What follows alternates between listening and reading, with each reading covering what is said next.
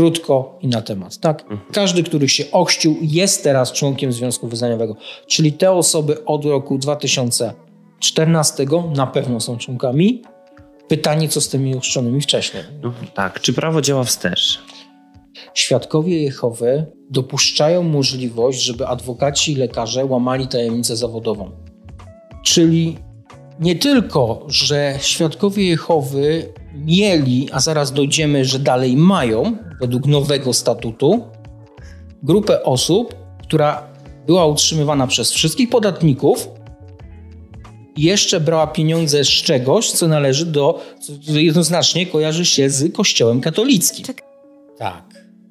A mówiono wam o tym, że są jakieś wybory w ogóle, że wybiera się kogoś w nadarzenie? Czy w ogóle wam o tym powiedziano? Czy w ogóle komukolwiek o to powie powiedziano? Czy ktokolwiek ze świadków kiedykolwiek upomniał się, że może on też by chciał przecież y, pojechać do nadarzyna i brać udział w wyborach? Czy u świadków Jehowy są zakony? Kolejne pytanie. Czy słyszeliście kiedykolwiek, czy kiedykolwiek wam powiedziano, że są jakieś zakony? I tam jest napisane: Nie, nie posiadamy duchownych to w końcu posiadamy czy nie posiadamy. Kiedy świadkowie Jehowy skłamali? Wtedy, kiedy przysłali to do państwa polskiego, czyli okłamali mój kraj de facto i, pa- i władze państwowe, czy wtedy, kiedy piszą artykuły?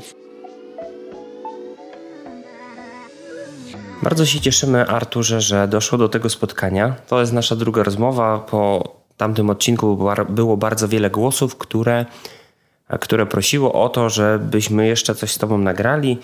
No i tak w tych rozmowach wtedy ustaliliśmy, że jeszcze nadejdzie taki czas, że porozmawiamy o statusie, o statucie świadków Jehowy, bo jest to taki ciekawy temat.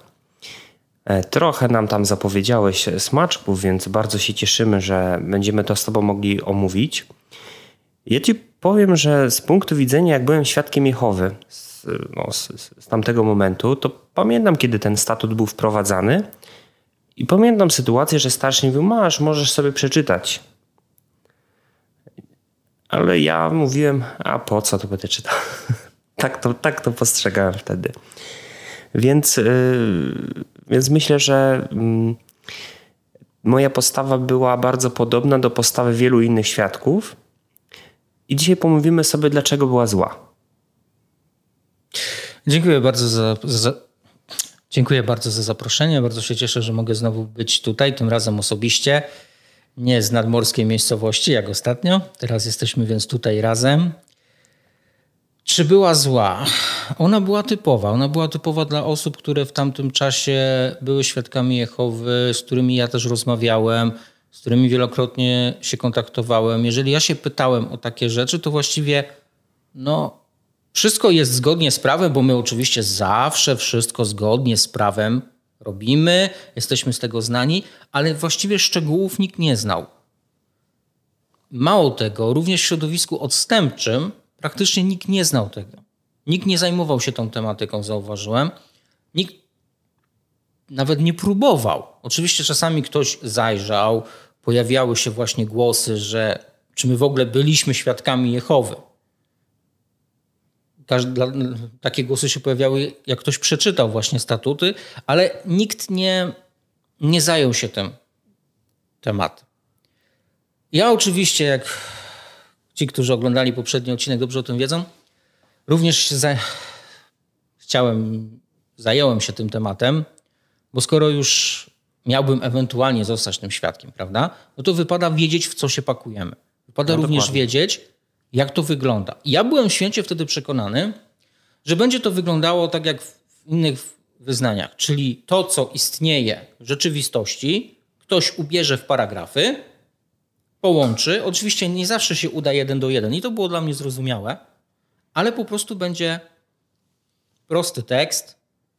A miałem dobry punkt odniesienia, bo wtedy wszyscy świadkowie dostawali po chrzcie taką książkę, do której też oczywiście się dorwałem, mimo że przecież nie powinienem jeszcze, to było wtedy, zdaje się, zorganizowani do pełnienia służby Jehowie. Tak, tak. Mhm. I ta książka to jest takie kompendium wiedzy, która opisuje, że, no, że są zbory, w zborach są starsi, potem jest nadzorca obwodu, jest biuro oddziału, czyli właściwie taką strukturę, taki przewodnik po strukturze. Więc ja biorę statut Strażnica, Towarzystwo Biblijne i Traktatowe, zarejestrowany Związek Wyznania Świadków Jehowy w Polsce. No, nazwa dziwna, rozumiem, że ma nawiązywać. Ok. Ja to zaczynam czytać i się zastanawiam, czy ja czytam coś zupełnie innego niż jest tam napisane. Bo to, co jest zarejestrowane według prawa polskiego, pierwszy statut, ten, ten jest akurat datowany na rok 1995. No tak, bo wtedy to jeszcze było przed tym zrewidowanym statutem. Tak, to jest to przed zrewidowanym. No zupełnie nie pasuje. Jest to status jakiegoś zupełnie odrębnego, różniącego się praktycznie wszystkim związku wyznaniowego. Jakbyśmy mieli dwa związki. Z jednej strony mamy świadków Jehowy, którzy działają według swoich książek, listów, i z drugiej strony mamy związek wyznaniowy, który ma ich reprezentować, który całkowicie różni się zarówno strukturą, liczebnością od tego, co jest w rzeczywistości. Mamy de facto fikcję prawdą w tym momencie. Już pomijam tutaj, bo dlaczego to zostało zarejestrowane, że polskie państwo w tamtym czasie w ogóle nie mieszało się do związków wyznaniowych, że w Polsce były rejestrowane rzeczy, które na całym świecie były jako sekty. Tutaj pierwsza ciekawostka, w Polsce sekt oficjalnie nie ma. Nie ma przepisów dotyczących sekt, nie ma przepisów dotyczących grup destrukcyjnych. To nie istnieje, są tylko związki wyznaniowe. Można się zawsze podeprzeć, że no przecież jesteśmy legalni, jesteśmy zarejestrowani. I, i właśnie, tym się właśnie podejmują. I weźmy sobie właśnie teraz ten statut. Ten pierwszy. Pierwszy, to jest statut właśnie numer Czyli jeden. Sara, ten. Nie, ten jest chyba... Tak, ten. Tak, to jest ten. A nie ten z pieczątką jest pierwszy? Nie. Nie, ten z pieczątką jest drugi. Okej. I cóż mamy? Mamy, że ma, nosi nazwę związku. Mamy, że działa na terytorium Polski, że główna siedziba jest w Nedarzynie, to jest jeszcze to. Problem zaczyna się od punktu czwartego. Związek jest osobą prawną powołaną przez wyznanie świadków Jehowy w Polsce. No, ale nie ma czegoś takiego jak wyznanie świadków Jehowy w Polsce. Czyli istniejąca grupa, która nie jest zarejestrowana, która nie została wpisana do rejestru kościołów, powołuje sobie związek, który ma ich reprezentować. No, ale no, dla mnie to było dziwne, no bo skoro nie są oficjalnie zarejestrowani, to rejestrują coś, co. Okej, ale o, zdaje się, że świadkowie są jakby trzecią pod względem liczebności religią w Polsce, tak? Zgadza się. No to jak mogą być trzecią, jakby jak ich nie ma niby, nie? Nie, jak. Tak. Jak W sensie, jak, jak to w ogóle na Wikipedii, czy gdzieś tam w oficjalnych danych trzecia religia? Znaczy, można przyjąć, że istnieją jako forma niezorganizowana. Tylko, że w tym momencie no, odpada ca- wszystkie ich argumenty o prawidłowym zalegalizowaniu. No tak. No tak, bo czytając ten punkt czwarty, to rzeczywiście no, związek jest powołany przez wyznanie, które nie istnieje, bo w 2000, Tak. późniejszy ten statut z 2014 roku Jakby teraz- dokładnie o tym będzie mówił. Dokładnie tak. On, o, późniejszy statut będzie już tym prawidłowym, takim, który powinien istnieć od początku. No Tak? tak, no ale no przecież zawsze podkreślają, że robią wszystko zgodnie z prawem, zgodnie z zasadami no i tak forma- dalej. no, Formalnie ten statut też jest zgodny z prawem, tylko że tworzy fikcję. Tak?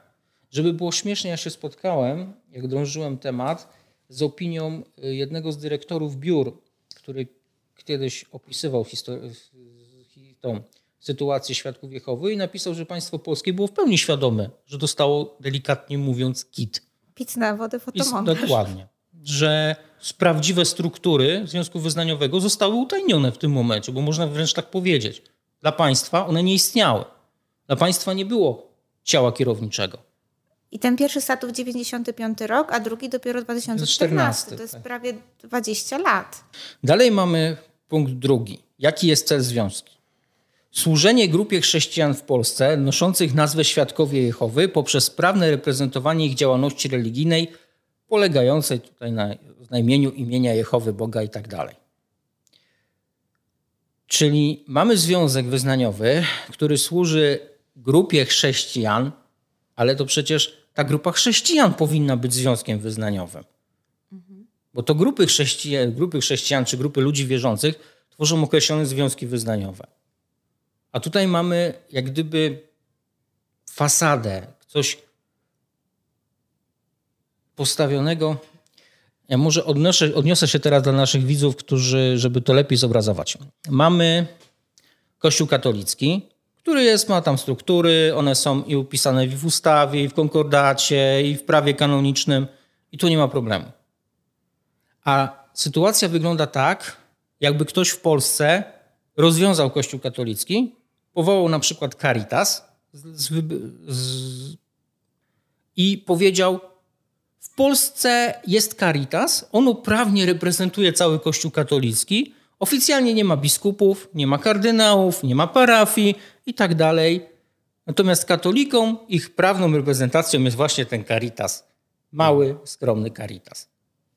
No jest to byłoby to bardzo duże nadużycie, żeby nie powiedzieć no, skandaliczne nadużycie, bo ukrywałoby nie tylko całą strukturę, ale nawet zwalniało z odpowiedzialności. No bo jaką wtedy odpowiedzialność miałby jakiś kardynał czy biskup, skoro oficjalnie no nie, Nie ma go. No nie no ma, nie ma tego- na papierze, prawda? To jest mniej więcej taki stopień, tutaj właśnie tłumaczę, przekłamania rzeczywistości dla mnie. Ja to tak odbieram bardzo mocno, że ktoś po prostu tą rzeczywistość oszukał. Mogę sobie wyobrazić, że bardzo wiele osób byłoby oburzonych taką sytuacją i zarzucałoby Kościołowi hipokryzję, ukrywanie się i uciekanie od odpowiedzialności. Jeszcze, jeszcze lepsza sytuacja jest wtedy, kiedy przejdziemy do rozdziału drugiego, do paragrafu czwartego, kiedy jest powstanie członkowstwa, czyli kto jest jak gdyby członkiem tego związku wyznaniowego. I tutaj napisano jest tak. Ponieważ związek reprezentuje interesy wyznania świadków Jehowy w Polsce, przypomnijmy, niezarejestrowanego wyznania świadków Jehowy w Polsce, więc dla ułatwienia jego działalności może być przyjęta w poczet jego członków pewna reprezentatywna liczba świadków Jehowy z różnych części kraju. I tutaj nawiążemy do tytułu tego odcinka. Czy to oznacza, że wy byliście w ogóle członkami Związku Wyznaniowego Świadków Jehowy w Polsce? Bo z tego wynika, że nie. Jeżeli nie zostaliście przyjęci, a raczej nie sobie byście to raczej pamiętali, No Żadnych honorów nie było. Tak, a poza tym e, tutaj... Aha, W bo to będzie za... jeszcze jest, że pełnoletni. no zaraz tu przejdziemy do Tak. punktu drugiego właśnie. Ale byśmy pamiętali, bo ja chrzest przyjąłem w 2004 roku jako Mm. 14-latek. Sara miała Chyba 16 lat. 2006, no. No więc y, nie za bardzo sobie mogę przypomnieć, żeby ktoś mnie... Nie wiem, Gdzie od teraz jesteś.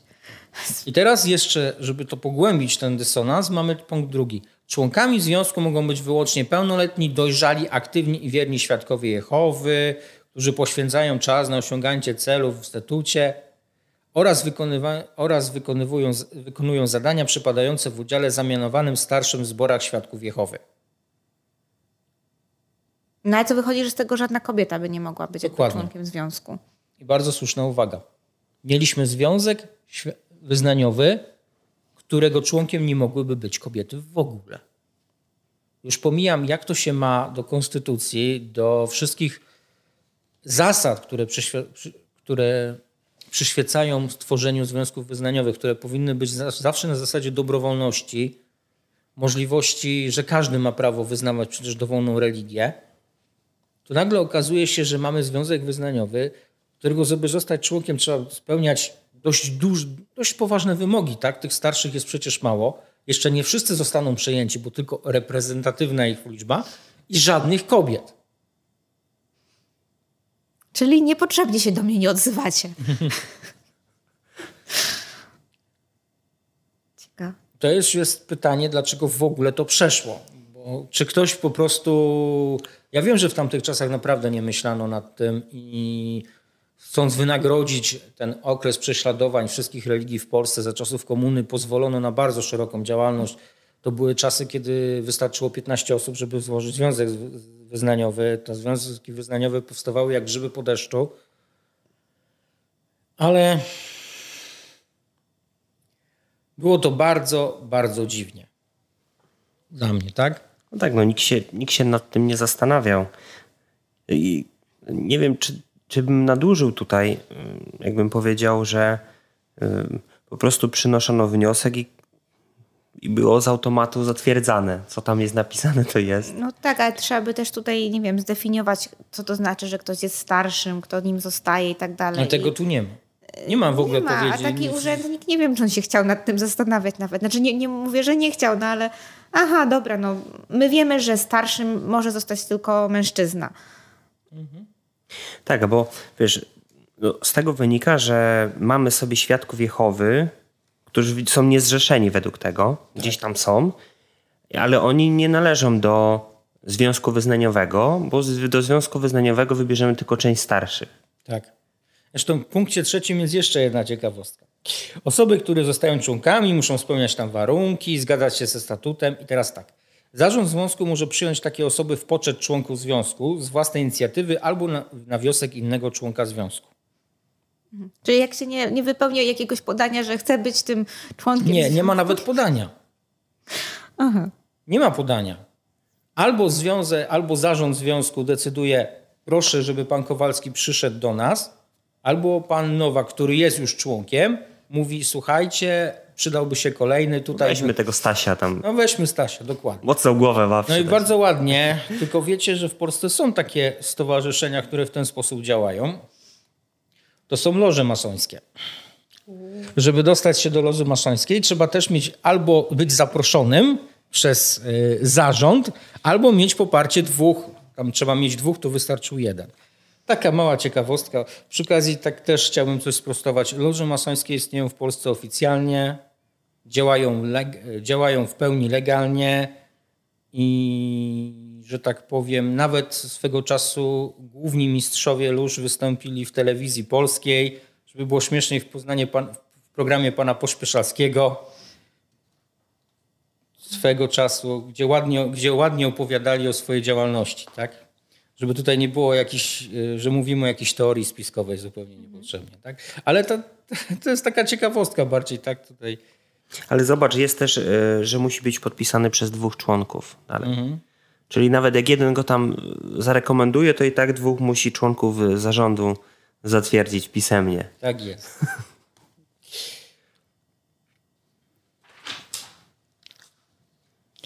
Potem mamy, że jak się wykluczy, że można być wykluczonym, że można wystąpić. No, że... Ale że decyduje zwykle się większością głosu, Tak jest. nie? Czyli znowu duch Jehowy nie wpływa równomiernie na Potem mamy coś takiego jak organy związku. I tutaj mamy zarząd. Są dwa organy. Zarząd i walne zgromadzenie. Zapytam wprost, czy kiedykolwiek was jako świadków Jehowy poinformowano, że jest jakiś zarząd i jest jakieś walne zgromadzenie w Polsce? Nie przypominam sobie. Czy w książce Zorganizowani do pełnienia woli Jehowy w ogóle coś na ten temat jest? Nie, nie ma. Nie, jest ciało kierownicze na Tak, w ogóle zupełnie nie jest opisany. Jest biuro oddziału, ale nie jest napisane, że to biuro oddziału składa się z zarządu i walnego zgromadzenia. Potem mamy napisane, że zarząd składa się z siedmiu osób wybieranych na okres trzech lat, zwykłą większością głosów. To tak jak, czyli co? To jest demokratyczny związek wyznaniowy? No najwidoczniej tak, no bo głosujemy. Tak. A mówiono wam o tym, że są jakieś wybory w ogóle, że wybiera się kogoś w Nie, nadarzynie? no, przecież jak wynika z tego, już to ustaliliśmy, nie wiem jak Edwin, no ja na pewno nie byłam członkiem tego związku, więc i tak nie miałam prawa głosu. Ja rozumiem, że nie miałaś prawa głosu, ale czy w ogóle wam o tym powiedziano? Czy w ogóle komukolwiek o to powie- powiedziano? Czy ktokolwiek ze świadków kiedykolwiek upomniał się, że może on też by chciał przecież y, pojechać do Nadarzyna i brać udział w wyborach? Wykazujesz się nieskromnym myśleniem, bracie. No, Dlaczego, y, no bo potem jest napisane, że jest zarząd, że zarząd składa się taki, taki, taki i taki. I w ogóle to, py- y, tutaj pytanie jest też takie, jaki wpływ na te wybory ma ciało kierownicze? Bo według tego żaden. Czyli tak jakby ciało kierownicze nie miało absolutnie nic do powiedzenia w kwestii, kto w Nadarzynie będzie sprawował władzę, będzie w tym zarządzie w tego związku wyznaniowego, czy będzie na walnym zgromadzeniu. A co mówi doktryna? Czy w ogóle coś mówi na ten temat? Wiesz co, nie, nie wiem jak tam było w tych zorganizowanych, jak to wygląda. No No, ale tego, listy ja- przychodzą od ciała No kierowniczego jakby, do... że to ciało kierownicze decyduje, to może spełniać jakąś funkcję. A tutaj mamy jak gdyby informację, że ciało kierownicze nie ma absolutnie z tym nic wspólnego. Tu w ogóle nie mamy słowa o ciele kierowniczym, chyba że gdzieś dalej jest. Nie, Nie, wiem. jest na samym początku, że tam jest, e, że świadkowie dział, Jehowy działają pod... Zresztą, że Tak, nie, jest. E, czwarty punkt. E, pod, że świadkowie Jehowy prowadzą swą działalność religijną pod kierownictwem i nadzorem ciała kierowniczego świadków Jehowy. Ale e, to Co to świadkowie jest? Jehowy, a nie związek działa pod Dokładnie. kierownictwem ciała kierowniczego. Dokładnie. Co świadkowie Jehowy, czyli ta grupa, którą rzekomo reprezentuje ten związek wyznaniowy, tak? Które w Polsce nie istnieje, bo jest niezrzeszona. Nie jest w ogóle prawnie zarejestrowana. Tak. tak. Wiesz, takie, takie mam mm, przemyślenia, że my sobie tak gadamy, no wiesz, omawiamy statut z 95 roku, którym tutaj jakieś absurdy rzeczywiście mm, chocki klocki y, były. I taki przeciętny świadek, on sobie pomyśli, że mm, co wy się czepiacie? Jakiś głupot totalnie. Po co to komu? Po co myśleć o tym? Po co myśleć? A pytanie jest takie, czy naprawdę osoba, która zmienia swoje całkowite życie, które gdzieś wchodzi, nie powinna się choćby zastanowić i zainteresować. Y, Każda osoba, która studiuje ze świadkami Jehowy, czyli ci zainteresowani, którzy mają odpo- zadają pytania, dostają odpowiedzi na wszystkie pytania, niech również zainteresują się tą stroną, tak? Bo skoro wszystko jest legalne, czytelne, to pierwsze pytanie, które powinien zadać zainteresowany, gdzie mogę przeczytać taki statut? Bo na JW.org go nie ma. Mhm. No dokładnie. I I pytanie dlaczego? Skoro wszystko jest tak legalne, przecież zamiast się wręcz pochwalić, zobaczcie, y, inne związki robią tak, czy tak, czy kombinują, my u nas jest wszystko ładnie, czytelnie na papierze, to nagle tutaj jak gdyby się tego tematu unika, jest on nieznany, to dlaczego też jest nieznany, to do tego też dojdziemy. Pewne rzeczy też niech sobie, że tak powiem, wyjdziemy. Ale po kolei. Teraz jedziemy dalej, potem mamy kompetencje zarządu, to tam. Tak, że zarząd tak naprawdę e, podejmuje wszystkie czynności, tak? Czyli nabywa nieruchomości, administruje ziemią, przy, przyjmuje, wyklucza członków. Kto jest upoważniony do zaciągania zobowiązań majątkowych, bo to też to jest ważne akurat, y, kto może zbywać nieruchomości, ile musi być podpisów i tak dalej, że ma pieczątkę, strażnica, towarzystwo biblijne i traktatowe. I teraz mamy walne zgromadzenie, które odbywa się między, odbywało się między 1 a 15 października. Tak? Y, Na pytanie moje, które też zadawałem i odstępcom i tak dalej, czy ktokolwiek był na czymś takim, zawsze było nikt. No w ogóle nie słyszałam. Znaczy wiem jedynie, że mm, tam w tej głównej siedzibie w, Mhm. przy Nowym Jorku, no to mają to, y, jak to się nazywa, niestatutowe? Jest coś To takiego. z- Ale zgromadzenie jest, Tak, no ale no to, no to kiedyś tego w ogóle nie rejestrowali, teraz niby to mamy fragmenty albo całość czasem na, na, na JW i to jest jakoś jesienią, wiem, ale czy to jest, jest powiązane z tym, czy nie, no, no nie wiem. Wcześniej nie wiedziałam na pewno. Zobaczcie, tam są kompetencje walnego zgromadzenia, one są bardzo krótko, tak? Że tylko mogą, wybierają członków zarządu, przyjmują roczne sprawozdanie, mogą ewentualnie rozwiązać związek albo zmienić coś w statucie. I to jest wszystko. Czyli tak de facto tych uprawnień nie mają praktycznie żadnych. Bo zarząd rządzi się sam. I potem mamy już tylko rozwiązanie wniosku. I teraz uwaga. No i ale to walne zgromadzenie, no i to i tak wybiera ten zarząd. No. O ile wybierało. O ile po prostu nie podpisywało się pod listami, które przychodziły z ciała kierowniczego. Które oficjalnie nie miały nic z tym wspólnego. Dlaczego jest, był taki statut?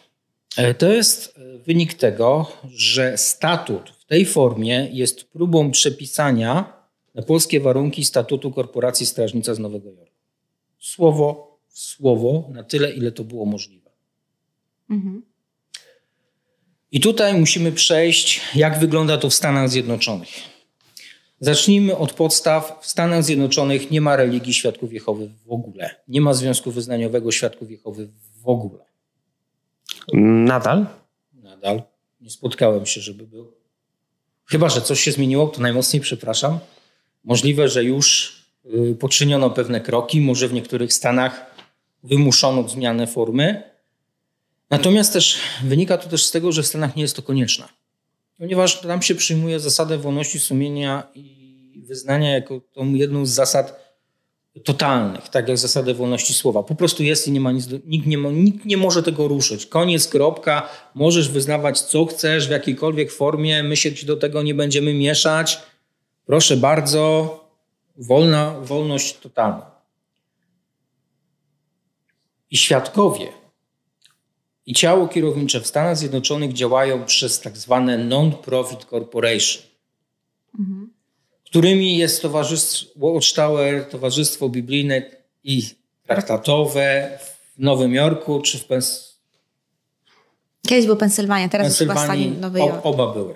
No. Bo, oba istniały I tutaj jest mnóstwo w literaturze strasznych niedomówień, legend, mitów. Po pierwsze, to nie są żadne spółki akcyjne.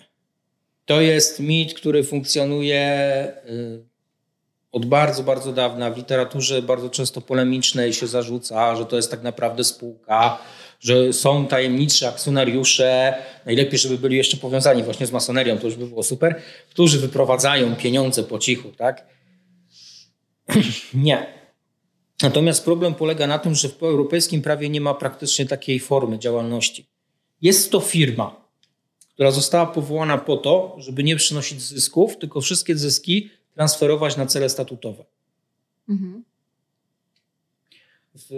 Zachęcam tutaj naszych e, słuchaczy i widzów, żeby poszukali sobie, ponieważ w internecie i nawet na YouTube są całe poradniki w tej chwili, jak w Ameryce taką działalność założyć jakie warunki trzeba spełnić, żeby podatków nie płacić, ponieważ wszystkie te organizacje właśnie mają taki wspólny punkt, że mają prawo niepłacenia podatków ze swojej działalności, pod warunkiem, że wszystko przekazują rzeczywiście na te cele statutowe. Mhm. A celami statutowymi właśnie są bardzo często działalność charytatywna, bywa, że religijna, wydawnicza, wszystko to, co nie powinno, nie może przynosić dochodu. Więc tak jak mówiłem, nie ma żadnych tajnych akcjonariuszy, żadnych dziwnych. Gdyby ktoś transferował środki na swoje prywatne konto z Towarzystwa Strażnica, to po prostu kradnie. Tak? Mhm. A ponieważ nigdy nie ujawniono czegoś takiego, a to, że mogło coś takiego się zdarzyć, to, to są tylko ludzie, którzy nagle mogą mieć do czynienia z olbrzymią ilością pieniędzy, ale dopóki to nie zostanie ujawnione przez jakiegoś kolejnego świadka, który stamtąd wyjdzie i powie, no wiedzieliśmy, że pieniądze wypływają i tak dalej, to ten temat po prostu nie istnieje. Tak? Na dzień dzisiejszy możemy przyjąć, że wszystkie pieniądze, które zarabiają Towarzystwo Strażnica, jako ta niedochodowa korporacja, idą rzeczywiście na cele statutowe, czyli na działalność świadków Jehowy. I to jest bardzo możliwe, ponieważ no, towarzystw, ponieważ no, wyznanie świadków Jehowy ma olbrzymie potrzeby finansowe. Tak? Utrzymanie wszystkich sal królestwa, utrzymanie budynków biur oddziałów, drukowanie tej całej prasy, teraz telewizja. To są wydatki w miliardach. Jak się to wszystko. Serwery, nie? Te wszystkiego. Tak, tak, to jest bardzo dużo, więc tutaj raczej nie sądzę, żeby ktoś. A jeżeli ktoś wyprowadza, to mówię po prostu ordynarnie kradnie i jest to po prostu przestępstwo w tym momencie. Tak, no to jest sprawnie uregulowane. No, tak. Po prostu. Tak. I nie ma, tutaj też drugi punkt, bo to się będzie przejawiać, jak będziecie kiedyś omawiać na pewno historię świadków, nie ma prawnej możliwości przekształcenia non-profit corporation w spółkę akcyjną. A takie zarzuty się pojawiają w momencie przejęcia, pojawienia się drugiego prezesa Towarzystwa Strażnica. Że podobno on prze, przerobił y, na spółkę akcyjną sprzedał akcje, zapewnił sobie większość w walnym zgromadzeniu i dlatego przejął władzę. Nie, nie ma takiej prawnej możliwości. Nie ma mowy, żeby były sprzedawane jakieś akcje. Musiałoby by dojść do rozwiązania całej, całego, całej strażnicy, stworzenia od nowa zupełnie, tak? A nie można by było użyć do tego majątku, bo majątek powinien być już rozdysponowany całkowicie. Tak stanowiło amerykańskie prawo. Aczkolwiek powiem wam szczerze, że kiedy odświeżałem sobie wiedzę, to bardzo się cieszyłem, że są już filmiki dokładnie to tłumaczące, bo czytanie XIX-wiecznych ustaw było po prostu dla mnie koszmarem. To, jest... to, byłeś bardzo gorliwy w tym, tak. bo taki wcześniej chciałem, tak mi, chciałem coś takiego powiedzieć, że ta droga, którą przebyłeś, no jeżeli mam zostać świadkiem, no to chcę wiedzieć, w co się wpisuje, no była dosyć rozsądna. Przeczytam, w jakim związku będę, do czego się zapisać chcę, teoretycznie zapisać, bo nam mówiono zawsze, że dość, i my mówiliśmy ludziom, że do nas się nie da zapisać. To był standardowy tekst na, podczas głoszenia, że nie, nie, nie, tu się nie, zapi- nie ma żadnych zapisów. No, nikt ci karty członkostwa nie dał, więc no nie. Wiesz, nie możesz się zapisać. Nie dostałem. Więc jakby to było dosyć rozsądne. Zapoznam się z tym wszystkim, no ale widzę, że byłeś bardzo gorliwy, bo... Znaczy też gwoli ścisłości, to już oczywiście robiłem później, tak? tak. Z tymi XIX-wiecznymi, bo nie, nie, nie, nie, nie. Aż tak, żeby wtedy być jeszcze aż tak nadgorliwym, to nie. To już wystarczyła mi ta wiedza, którą udało się mi wtedy zgromadzać. Że tak jak zainteresowanych odsyłamy do pierwszej części oczywiście. Tak. Gdzie to dość, gdzie opowiadam. Natomiast... Yy, więc mówię, świadkowie Jehowy działają przez swoje non-profit corporation. Dlaczego tak w ten sposób działają, ktoś się zapyta, tak? Odpowiedź na to pytanie jest też bardzo prosta i o dziwo bardzo zdroworozsądkowa. Kiedy Karol Russell zakładał badaczy, znaczy tworzył jeszcze wtedy badaczy Pisma Świętego, on nie zakładał żadnej religii. Nie miał w ogóle takiego celu. On wierzył w koniec świata który miał zaraz nadejść. Kiedy wyznaczył kolejną datę na 1914 i po prostu potrzebował jak gdyby jakiejś formy prawnej reprezentacji, to po prostu założył taką non-profit corporation, przekazał jej użytkowanie cały swój majątek, to też należy podkreślić, to był jego majątek, nie żadnych jakichś wiernych i tak dalej. I po prostu chodziło mu tylko o to, żeby dotrwać w jakiejś formie prawnej i wydawać te swoje czasopisma do końca świata. Teraz miał być rok 1914. Jeszcze, nie, jeszcze pechowo dla nas wszystkich. W 1914 wybuchła pierwsza wojna światowa. On był wtedy przekonany, że spełniają się wszystkie proroctwa, no tak. przecież na jego oczach. Nawet przybyło, to jest ta, ta sytuacja, że szedł tam na to śniadanie w Beteli, mówił, że już nadszedł e, koniec czasów pogan. To był chyba 1916 czy czy właśnie tak. 14. On już... A um, umarł w 16 chyba. A nie w 17? A, mo, może, no ale w każdym razie przed końcem pierwszej wojny, nie? No niestety no. właśnie. I on, bo można mu zarzucić wiele rzeczy. Jakby kiedyś była omawiana historia, to można też na ten temat porozmawiać. Natomiast nie można mu zarzucić olbrzymiej wiary. I on rzeczywiście wierzył w ten koniec świata, tak? On jeździł z wykładami do ostatnich chwil swojego życia i mówił, no zobaczcie, na naszych oczach spełnia się proroctwo biblijne, koniec, jest koniec tego systemu rzeczy, koniec czasów pogan, świat ogarnia wojna, dokładnie tak jak było przepowiedziane w Biblii, przynajmniej według niego. I dlatego on nie zakładał religią. Zresztą w licznych swoich publikacjach i książkach mówi o tym wyraźnie, że on nie był jego celem zakładania jakiejkolwiek religii. On tworzył tylko zbory. Do tych zborów mógł przyjść każdy, bo dla niego to już nie było potrzebne. On już był tak mocno zafiksowany na tym, że jest ten koniec, że nie. Natomiast pytanie, które należy sobie zadać, dlaczego po jego śmierci, kiedy już było jasne, że proroctwo było chybione w takiej formie przynajmniej, że ta organizacja musi być dalej. Kiedy na czele Świadków Jehowy staje drugi prezes, pan Radeford. Prawnik. Prawnik, notabene, właśnie. No, bardzo szczególna postać. Dlaczego wtedy nie zmieniono tej formy? Tak, no, no właśnie, bo, bo tak jak też czytałam o, o tym Russellu, no to faktycznie pod koniec XIX e, wieku w ogóle było bardzo dużo takich grup, którzy, no koniec świata ogólnie i tak dalej.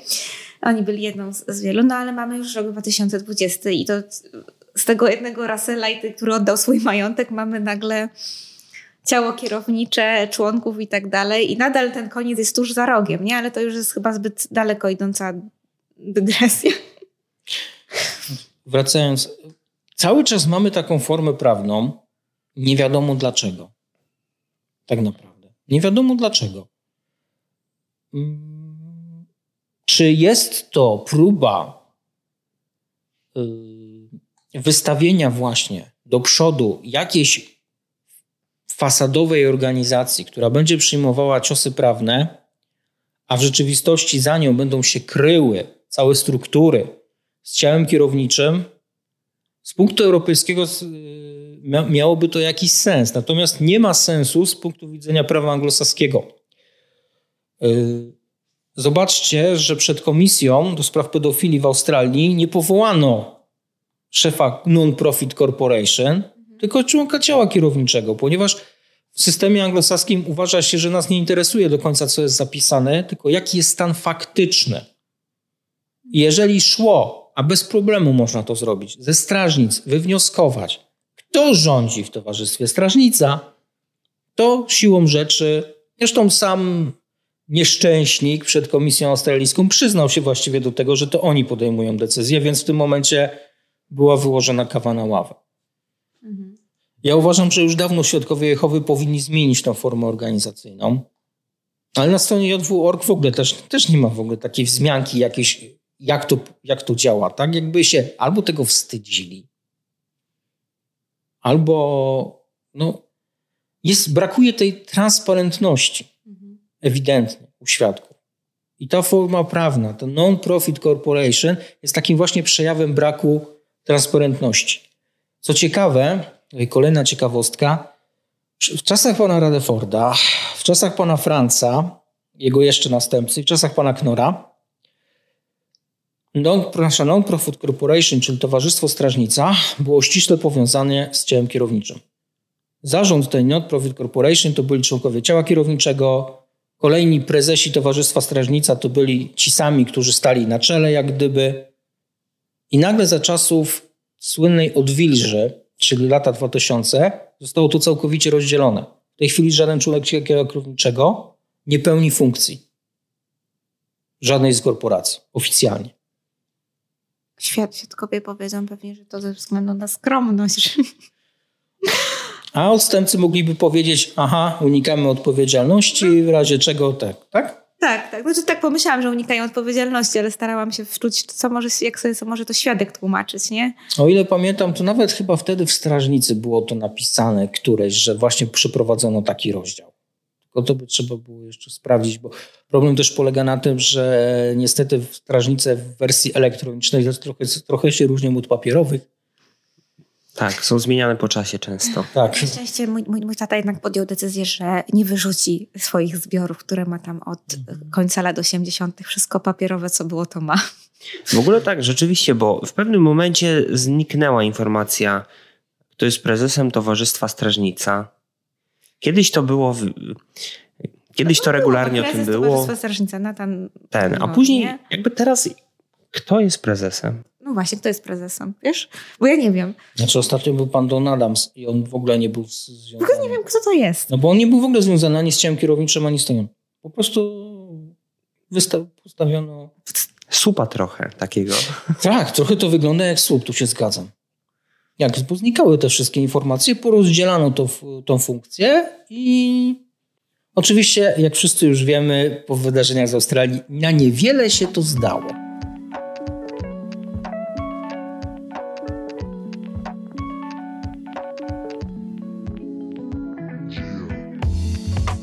Tak, także mieliśmy próbę przeniesienia jeden do jeden praktycznie i to z takimi wręcz y, trochę absurdami. Na przykład jest napisane w statucie, jakie ma, muszą, trzeba wybrać przewodniczącego zarządu, jego zastępcę, skarbnika i sekretarza.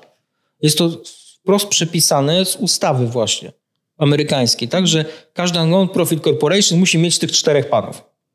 Tych czterech funkcyjnych jak gdyby musi być wybrany. Jest dokładnie to przepisane. Czyli jest to wprost taka próba tylko, że teraz jest pytanie, czy ktoś, kto dokonywał tej próby, wiedział dokładnie, co robi? Czy Towarzystwo Strażnica nie stać było na prawników, którzy by wyjaśnili, że w Polsce to tak trochę dziwnie wygląda, że to tak nie powinno być? Czy zrobiono to celowo? Nie wiem, zakładam, że to takie moje przypuszczenia, że osoba, która to tłumaczyła, to po prostu dostała tekst do przetłumaczenia. No i później dała go do drugiego działu, proszę, przetłumaczyliśmy, zanieście nam do, do ministerstwa i proszę. A no, i tak niestety było. Najprawdopodobniej, no to tak sobie I teraz y, będzie trochę o moich przygodach, czyli przejście między jednym statutem i drugim, czyli jak Artur do nadarzy na list pisał. No to ciekawe. Co się stało?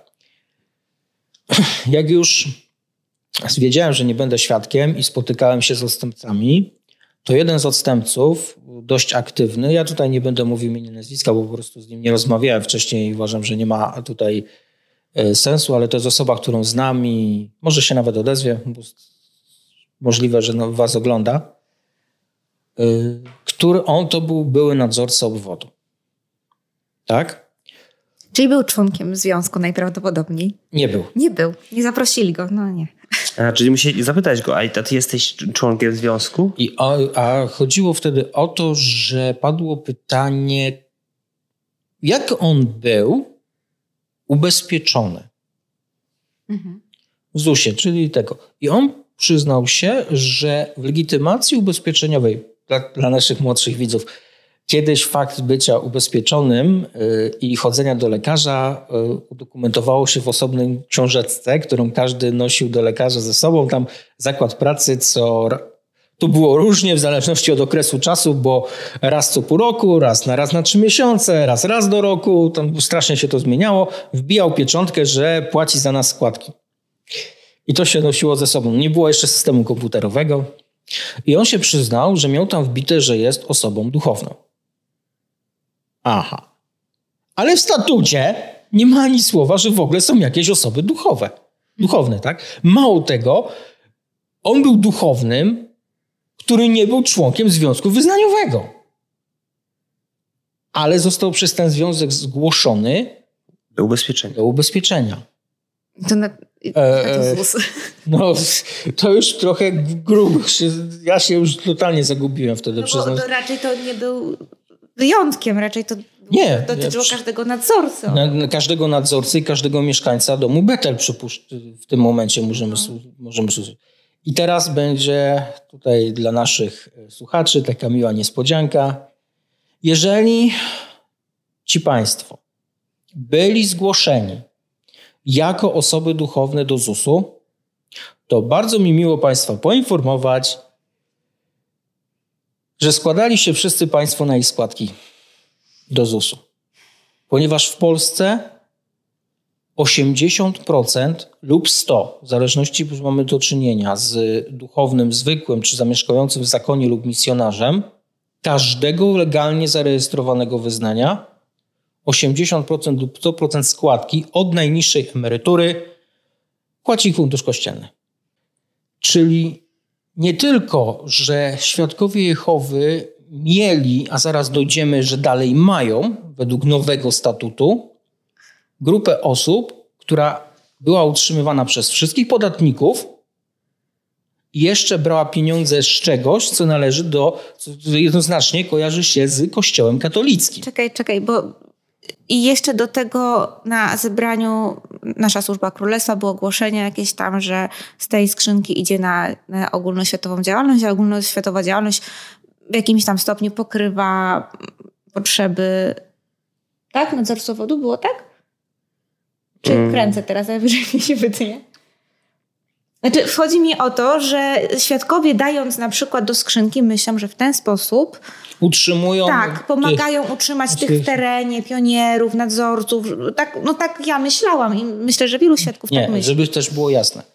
Musimy pamiętać, że mówimy o sytuacji polskiej. Mhm. Tylko i wyłącznie. No tak. Nie jest to tak, wiem. że e, fundusz kościelny istnieje w innych krajach. To jest bardzo polska Ale w specyfika. Norwegii istnieje. A w Norwegii 1300 koron bodajże na każdego Członka. członka. Teraz im odebrali właśnie prawo, nie wiem czy słyszałeś. A to nie wiedziałem. Tak, w tym roku to już są straty w milionach, ale Hmm. no, bo po, po niezłą, niezłą, niezłą kasę dostawali właśnie od takiego funduszu kościelnego, który przysługuje każdemu wyznaniu, nie? Norwegii. Ale Czyli stwierdzili, że przez nie- ostracyzm im się nie należy. Tylko, że tam nie, że za każdego, tak jak tutaj w tym wypadku duchownego Tak. i tak dalej, tylko za każdego członka tej grupy, no tak upraszczając. Ale nie wiem, jak tam wygląda statut świadków Jehowy w Norwegii. Inna sprawa już, nie? Znaczy tak, y, jeszcze gwoli wyjaśnienia.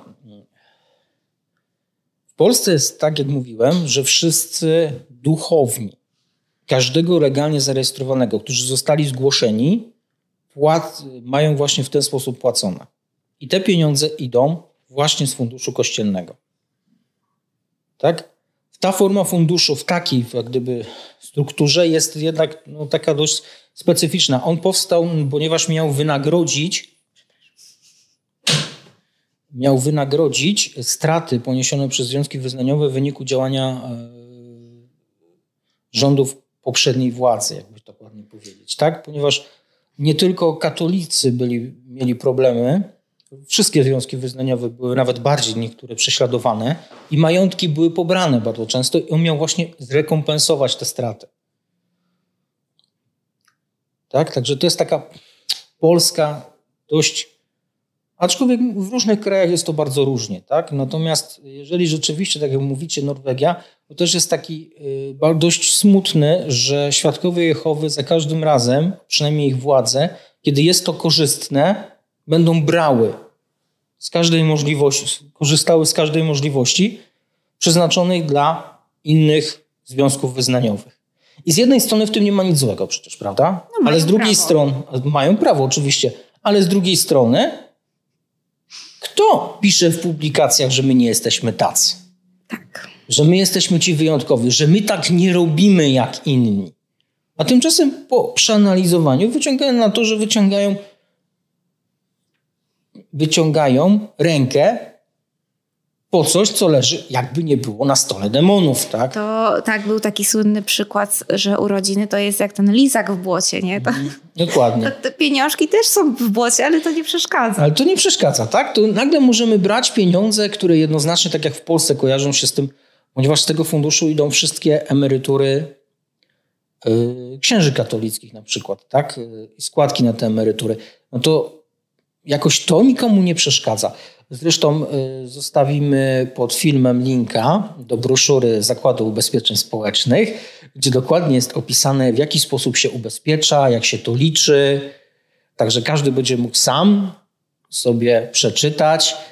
A jak będziemy za chwilę omawiać statut obecny, to również będzie to taki prezent dla obecnych starszych. Może, będzie, może będą chcieli skorzystać z tej formy, że tak powiem. Jedno pytanie mi się nasuwa. Mhm. Czy wobec tego to, to nie jest jakieś nadużycie, jeżeli wpisujemy do ubezpieczenia osoby jako duchowne, które tymi duchownymi nie są? Jest to bardzo duże nadużycie.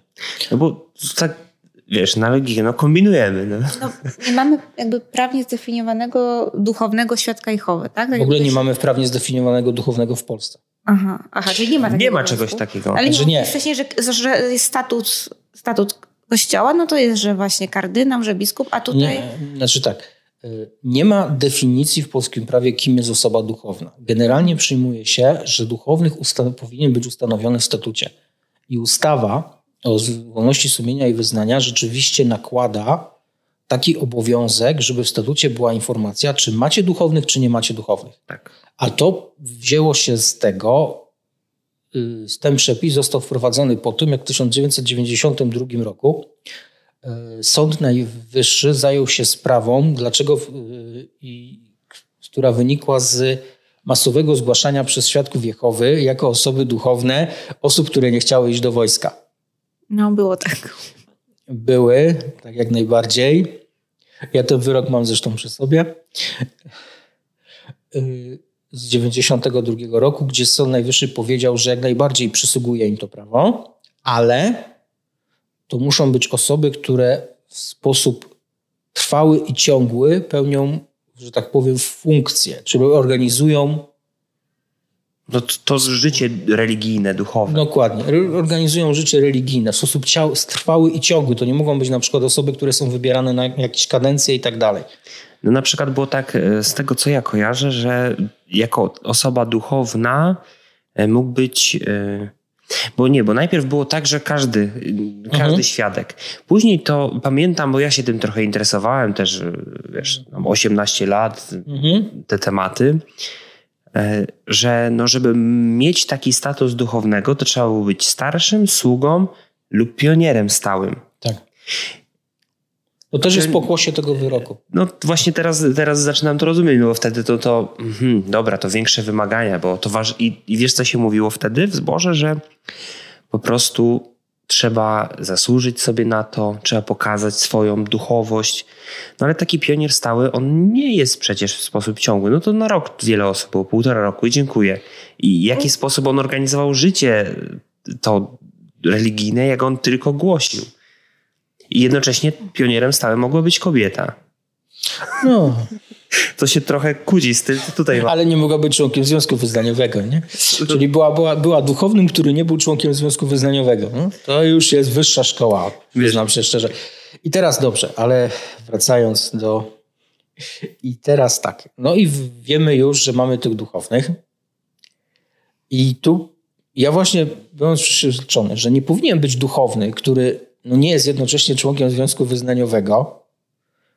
Jeszcze do tego w religii.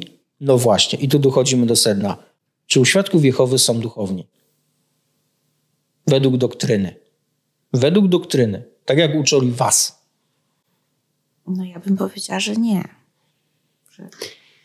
Ale, ale może tutaj Wiesz co? Elwin z mężczyzną to wie lepiej. Biorąc pod uwagę to, te tematy z wojskiem, no to mm, no nie ma duchownych, ale, mm, ale to jest.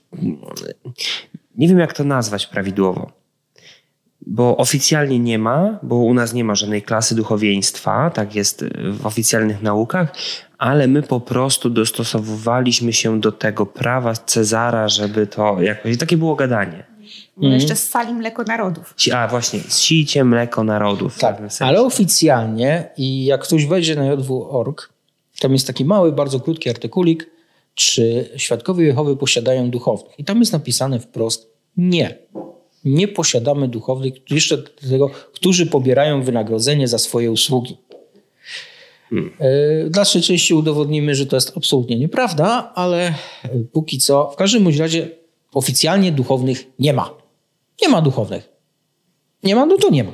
No to skoro religia mówi, my nie mamy duchownych, skoro w statucie napisali, nie napisali, że jest duchownych, ja pamiętam, ja wtedy jeszcze wyciąg ze statutu, gdzie w punkcie numer, nie pamiętam, który to był, e, nie, nie, to jest taki wyciąg, który jak gdyby mm, opisujący, co jest w statucie i tak dalej, to napisano informacja o osobach duchownych powoływanych według prawa, nie, związek nie posiada duchownych. I koniec. No bo w statucie tego nie ma. I to jest czarno na białym. Ja im tą kopię wysłałem, wys napisałem list do Nadarzyna. Kolega z forum Watchtower wtedy jeszcze ten list zawiózł do Nadarzyna. No i się spytałem wprost, no to jak to u was jest? To macie tych duchownych? Nie macie tych duchownych? Czy ten? No oczywiście do dzisiaj odpowiedzi nie dostałem. No, no bo tak podsumowując, to, to nie ma duchownych oficjalnie, ale na jakiejś tam legitymacji ktoś jest jako duchowny i, i czego tu nie rozumieć. Czyli nie ma duchownych, ale są Ale duchowni. są. To są duchowni Ofic- Zingera. I to jeszcze legalni duchowni, żeby było najśmieszniej w takim razie, tak? Bo oficjalnie do, są pozgłaszani jako duchowni. No to, to, no, dla mnie to była ta sy- sytuacja zupełnie niezrozumiała. Wiem, że było wtedy dużo na ten temat mówione na forum. Wiem, że ja też rozmawiałem, bo i roz, konsultowałem się z Krajową Informacją Podatkową i z ZUS-em i i z prokuratorem, i z, dużo osób było. I teraz jest pytanie. Czy ktoś z ZUS-u, na przykład, czytając te nasze rozważania wtedy i wcześniej, nie wpadł na taki pomysł, że skoro oni nie byli duchownymi, no to by tak mogli nam oddać pieniążki, nie? z tego funduszu kościelnego pobierane Tak, nie, teoretycznie nie, należycie. nie należycie, nie? W każdym bądź razie coś się takiego stało, że nagle w 2014 mamy nowy statut. No właśnie. Mamy nowy statut. Tutaj też może coś wyjaśnię. E, Ja oczywiście sobie nie przypisuję, że to dzięki mojemu listowi nagle e, tam wszyscy dostali ataku paniki, postanowili musimy szybko zmienić statut, bo pan Szwacher tutaj odkrył prawdę jakąś. Nie, no oczywiście w ogóle jestem przekonany, że się tym nawet nie przejęli, ale być może ktoś coś, ktoś przeczytał któryś z urzędników, czy ewentualnie ciało kierownicze się zorientowało, że to może tak mieć z tego jakiś problem, czy możliwe, że ktoś Lepiej chuchać na zimne i zmienić to. że już to wypłynęło, już odstępcy o tym mówią. No niedobrze. Czy też może chciano zacieśnić kontrolę nad Nadarzynem, bo nie wiem, czy wiecie, ale Nadarzyn uchodził za taki dość krnąbne biuro oddziału z własnymi pomysłami. Po, po polsku, tak? Takie, tak, takie typowo polskie Tak oczywiście. po polsku i po wielu zmianach, które y, w pewnym czasie były wprowadzone, y, to nawet w ogóle z, z innych krajów ci, co tam mieli decydować, zostali wprowadzeni, żeby Polaków nauczyć, jak to ma funkcjonować. Tak. No, w, na przykład w temacie budowania sal królestwa y, wiele takich głosów było. E, Ale to takie, wiesz, przecieków dużo tylko. Tak między sobą rozmawialiśmy, że, mm, że Polacy to są po prostu bardzo tacy mm, nie krnąbni, tylko Przekorni? przekorni, lubią robić inaczej. No i musieli przyjechać na przykład Niemcy z Zelters, żeby pokazać, jak to ma funkcjonować. I tak Zelters to niemieckie biuro oddziału. Tak, tak. Zdaje się, że było największe w Europie do czasu wybudowania w Wielkiej Brytanii tego nowego, wspaniałego ośrodka w 2017-19. No i mamy nowy statut. No i mamy problem. Bo to jest po pierwsze taki statut, który powinien być od początku. Czyli mamy, pomijmy preambułę, która jest taką biblijnym nawiązaniem, jako to ciało kierownicze jest apostołami nowymi, prawda, i oczekują nadejścia nowego świata i tak dalej. Chociaż ma- to pierwsze zdanie w, tym, y, w tej preambule jest bardzo kontrowersyjne. Bo Biblia uczy, że w pierwszym wieku naszej ery ciało kierownicze, a, a w Biblii nie znajdziesz słowa ciało kierownicze. W ogóle ja uważam, że ciało kierownicze jest nieprawidłowo e, przetłumaczone na polski. Bo z Mhm. angielskiego bardziej prawidłowo powinno być ciało rządzące. No, Tak, to- governing body. No, nie, nie No jeszcze jest piąty tutaj, że każdy świadek Jehowy z chwilą przyjęcia chrztu przez zanurzenie w wodzie akceptuje elementy wymienione powyżej w punktach od 1 do 4. No raczej musi. Ale to są elementy tej preambuły, a nie samego statutu. No, preambuła jest. I teraz tak, mamy więc związek, punkt pierwszy, tak. Związek wyznaniowy nosi nazwę Świadkowie Jehowy w Polsce. Czyli nie ma już jakichś tam strażnicy i tak dalej. Mamy już związek, że działa na terytorium Polski, że jest Nadarzyn koło Warszawy. No jakby ktoś nie wiedział, gdzie jest Nadarzyn. Tak, że jest to osoba, osobowość prawną. Każdy związek w Polsce ma notabene osobowość prawną, tylko że może też tworzyć dodatkowe osoby prawne, ale to już jest taka Czyli mamy takie połączenie trochę w tym momencie. Tutaj mamy, jakie są cele działalności, tak, że prowadzi biblijną działalność edukacyjną, stara się podnosić poziom umysłowy i moralny. Tak. A swoją drogą, bo nie wiem, mm, teraz chyba zmieniła siedziba główna adres, nie? Czy nie? tak. Więc to już nie jest jaki- Brooklyn. Jest tak. jakiś, y, wyszła jakaś aktualizacja, że już nie jest siedzibą. Tak, akurat nie sądzę, żeby była, była Aha, konieczna, okej, żeby, dobra, to żeby tak sobie ten, bo to jest sprawa międzynarodowa. Chociaż byłoby miło, gdyby zaktualizowali. Jeżeli rzeczywiście chcą tak być zgodni z pełną literą prawa, byłoby bardzo miło, gdyby to zrobili. Tak jest. Wyświadczamy, co to oni nie robią. I tutaj pierwsza zmiana, nie ma już żadnego zarządu ani walnego zgromadzenia. Rozdział trzeci. Tak? Organ. Jest organ, jest komitet oddziału. I to jest zgodne z tym, co rzeczywiście jest. Zorganizowany. Tak jest. I że składa się z trzech, może być większy, że mogą być na niego powołani wyłącznie starsi, czyli już w, w organach władzy nie może być żadnej kobiety. No tak. Ale przynajmniej może być związ- w związku. Tak.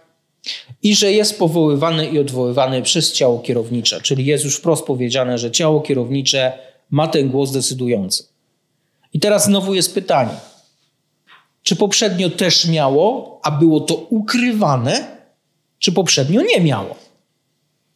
Nie, nie możemy zakładać, że się tutaj nie stosowali. Do no, no ciężko sobie wyobrazić, prawda? Potem mamy osobny, co to jest ciało kierownicze, tak, że namaszczeni Duchem Świętym mężczyźni pochodzący z różnych części świata.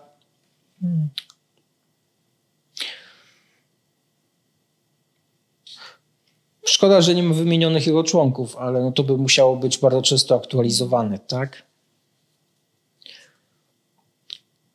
Jest tu też najważniejszy artykuł 30, który pokazuje, że ciało kierownicze ma absolutnie pełną władzę, tak? Czyli, że nawet zmiana statutu, rozwiązanie odwołuje, czyli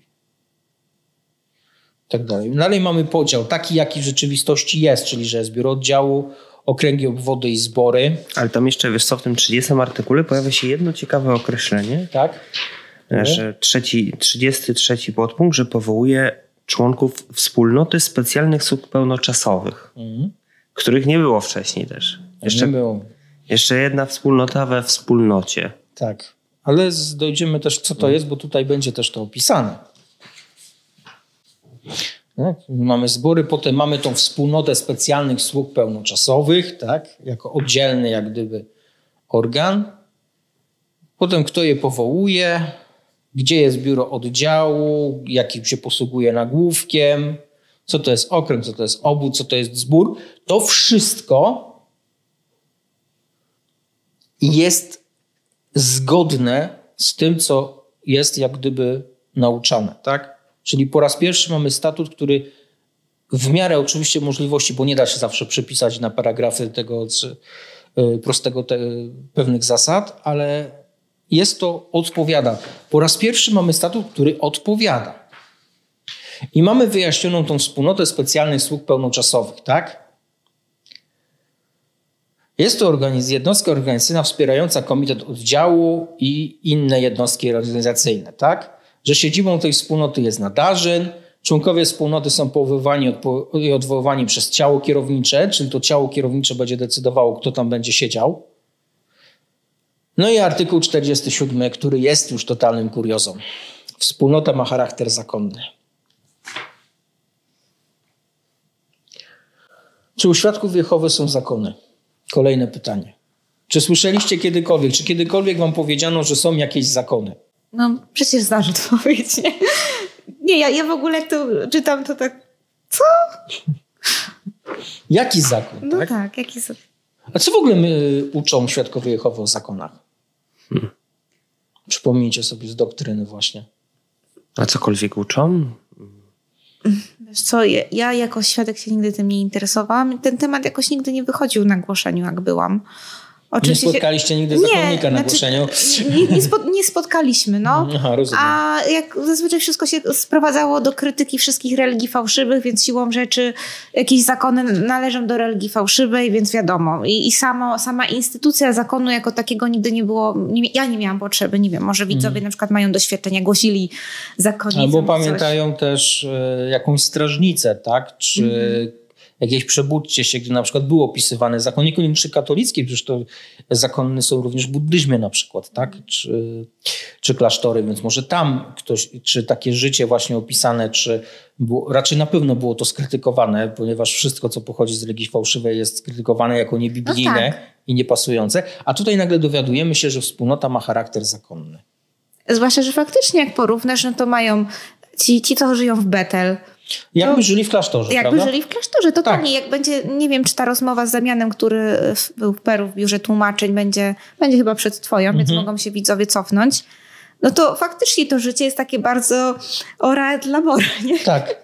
E, Raymond Franz również opisuje właśnie e, w swojej książce e, ten jako właśnie taką życie w takiej jednoznacznej wspólnocie zakonnej, tylko że różnica jest taka, że tam są również kobiety, tak? No tak, koedu, koedukacyjne. Koedukacyjne, to znaczy z reguły e, nie zamężne kobiety, tylko z reguły są to z mężami. Mm. że dobrze kojarzę. Tak, ja to Bo tak... do Betel można się było, jak właśnie też rozmawiałem wtedy, czy jak się dostać do Betel, to świadkowie mi mówili, że to z reguły małżeństwo się bierze. E, Ja pamiętam, miałam Bezdzietne małżeństwo to też. Edwina jeszcze nie znałam, byłam zawsze na zgromadzeniu tym letnim kongresie, Mhm. było takie spotkanie dla tych, którzy by, byli chętni ewentualnie. I nam wprost powiedzieli, bo my poszliśmy na spotkanie z moją przyjaciółką, że no kobiety to siostry, siostry nie kobiety, e, to raczej nie nastawiajcie się jedynie, jeśli sobie znajdziecie męża, który już tam jest, albo który też on będzie potrzebny w Betel. No to wtedy tak, ale tak same z siebie to raczej nie mają szans. No właśnie. I artykuł 48. Członkostwo we wspólnocie jest urzędem duchowym. Mm, ciekawe. Cóż to takiego urząd duchowy też zaraz będzie w rozdziale szóstym wyjaśnione, bo to nie jest tak, że to nie jest wyjaśnione, prawda? Tak, że po to, że wspólnota jest częścią ogólnoświatowej wspólnoty specjalnej sług pełnoczasowych, tak? Jest dobrowolną, ogólnoświatową wspólnotą zrzeszającą członków, świadków Jehowy z różnych części świata, pełnoczasowo wspierających ciało kierownicze w jego działalności, prawda? I jedziemy rozdział szósty i się zaczyna. Ilekroć przepisy prawa państwowego mówią na temat osób duchownych oraz osób zakonnych, ustanowionych według przepisów prawa wewnętrznego kościołów i innych związków wyznaniowych, należy przez to rozumieć osoby sprawujące w związku urzędy duchowe w rozumieniu niniejszego statutu. W tym momencie świadkowie Jehowy publicznie w dokumencie przesłanym do państwa stwierdzają, że posiadają duchownych. No to w końcu posiadają tych I zakonników. I zak- no jeszcze lepiej, jeżeli zakonników, tak. To posiadają czy nie posiadają, bo teraz to już Jakbym cię spotkała na głoszeniu, byś mi to powiedział, to bym po prostu. Pewnie by powiedziała, że muszę przejrzeć to i wrócić, ale chyba bym nie wróciła. Byś nie wróciła. No to, no, bo teraz jest pytanie, czy świadkowie, przypominam, cofamy się, jest ten mały, malutki artykulik na jw.org. Każdy może sobie sprawdzić, on zdaje się bardzo szybko, to jest w dziale jak y, pytań i odpowiedzi. I tam jest napisane, nie, nie posiadamy duchownych. To w końcu posiadamy czy nie posiadamy? Kiedy świadkowie Jehowy skłamali? Wtedy, kiedy przysłali to do państwa polskiego, czyli okłamali mój kraj de facto i, pa- i władze państwowe, czy wtedy, kiedy piszą artykuły? No chyba, że mamy jakąś tutaj jedną fasadę legalną jakiejś świadków Jehowy w Polsce, a to, co jest na JW.org, to w ogóle jest jakaś niezrzeszona grupa religijna, to ci nie mają duchowych. No tak, no w te- ten sposób też możemy do tego podejść, aczkolwiek dalej będzie też. I są następujące urzędy duchowe, czyli ten członek wspólnoty, czyli ci nasi zakonnicy, mieszkańcy Betel i tak dalej, i starsi. I tutaj wracamy do, skoro starsi są duchownymi, to zachęcam braci starszych, którzy nas oglądają, do lektury broszury y, ZUS-owskiej. Tak? Naprawdę serdecznie Was zachęcam, bo pewnie nawet nie wiecie, że możecie mieć płacone 80% składek z budżetu państwa.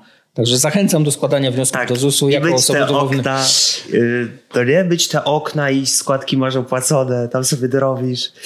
Ty, a w ogóle tak jeszcze, y, bo odnalazłem ten artykuł, czy świadkowie Jehowy, czy, po- bo on tak jest, czy powinien istnieć podział na duchownych i laików, taki jest tytuł, i w tym artykule, A to jest ten dłuższy artykuł. tak, ach, bo jest jeszcze To krótszy, jest krótszy. tak, czy mają y, opłacaną klasę duchowieństwa. A przecież. E, no to, to jest, wiesz co, trochę ja wrzucę linka do tego artykułu pod spodem, ale tak, podział na duchownych lejków wywyższa tych pierwszych, czego mm, mogą być dowodem pochlebcze tytuły religijne. Tak, na przykład powinniśmy się cieszyć, że ciało kierownicze nas tak bardzo kocha i powinniśmy być wdzięczni za ciało kierownicze, na przykład, tak. Pochlebsze tytuły religijne, brat króla, to nie jest pochlebczy tytuł religijny? Jest, jak najbardziej. Tak można by sobie też Tak, ale w ogóle wiesz, tutaj opłacana klasa duchownych może nakładać na, na, na laików duże obciążenia finansowe, zwłaszcza gdy jej członkowie lubią rozrzutny styl życia. Natomiast chrześcijańscy nadzorcy sami troszczą się o swoje potrzeby finansowe, wykonując normalną świecką pracę i dając tym dobry przykład współwyznawcom. Dobrze. Pytanie numer jeden. Kto z mieszkańców Betel pracuje? Widzisz, to, to w ogóle się nie, nie jest zgodne z tymi, y, z tym, co tu czytamy. Ale to nawet nie chodzi nawet o to, co, co czytamy. Patrzmy na stan, zapomnijmy na chwilę o statucie. Spójrzmy na stan faktyczny. Mamy mieszkańca Betel, tak? Czy on pracuje? No za bardzo nie, bo pełnoczasowo działa na, na rzecz swojego religii. Czy nadzorca obwodu pracuje? Nie, bo właściwie nie ma na to, na, na, nawet na to czasu, bo cały czas musi jeździć po zborach. No Czy teraz, członek ciała kierowniczego pracuje? Nie. A ja bym zadał jeszcze jedno pytanie do tych wszystkich. Czy te wszystkie wymienione osoby otrzymują y, finansową zapłatę za to, co robią? Może źle zadaję pytanie, bo być może świadkowie by trochę je inaczej zadali, żeby nie było, że dostają zapłatę, tylko by powiedzieli, czy dostają zwrot kosztów, żeby wie- wiesz o co chodzi. Znaczy, Ale dostają pieniądze. Bowiem tak, dla mnie nie ma różnicy, czy ktoś, czy ja dostaję 4, powiedzmy, ja dostaję 4 tysiące złotych na przykład, tak? I za to się utrzymuję, płacę rachunki, kupuję żywność i tak dalej. A jeżeli ja będę mieszkał w takim betel i nie dostanę tych 4, nie dostanę nawet zero, ale wypiorą mi ciuchy, ja nie płacę za proszek.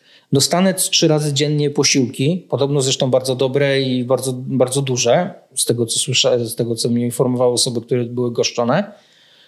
Mam do dyspozycji samochód, za którego paliwo nie zapłacę. Nie płacisz czynszu za mieszkanie. Nie płacę czynszu, nie płacę podatków właściwie. Opłacane mam składki. Dokładnie, i to jeszcze współfinansowane z budżetu. To co to jest za różnica? Przecież i tak, i tak, czy ja dostanę te 4 tysiące, czy 4 tysiące mam w naturze, te pieniądze pochodzą od wiernych. Mhm. Ale i tak dostają. I tak dostaję. Ale i tak dostałem dodatkowo gotówkę.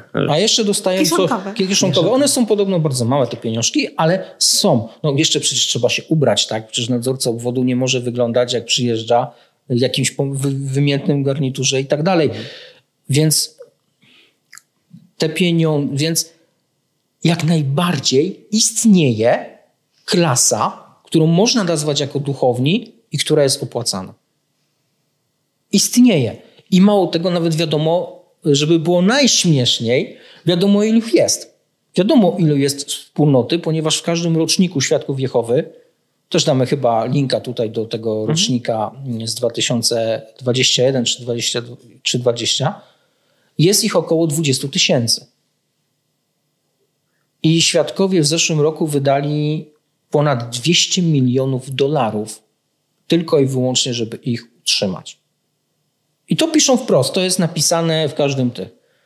No tak, no ale przeciętny świadek sobie będzie myślał, że to jest całkowicie tylko i wyłącznie finansowane z, z ich datków i żaden organ państwowy nie, nie dofinansowuje tego. Ale przeciętny świadek Jehowy uważa, że oni w ogóle nie mają duchowieństwa, które on musi utrzymać. Tak. Tak, bo cały ten artykuł w ogóle, który tutaj jest na JWork, to jakby czytał go świadek, to mm, on odnosi się tylko do starszych w zborach. Tak. Takie jest wrażenie, bo tam nie ma tych Nie, innych ludzi. pomija tylko... się celowo, to, jest ten, to jest to tak zwane kłamstwo przez milczenie, czyli pomija się celowo istnienie wyższych struktur świadków Jehowy, tak samo zainteresowanym się tego nie mówi.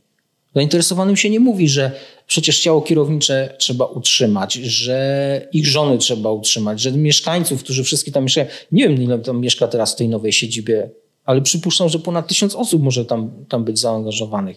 Przecież ten cały tysiąc ludzi trzeba utrzymać. To nie są małe koszty. Przecież ich trzeba ubrać, ich trzeba wyżywić, trzeba zapłacić im za, za prąd, za gaz, za wywóz śmieci. Trzeba przecież zapłacić.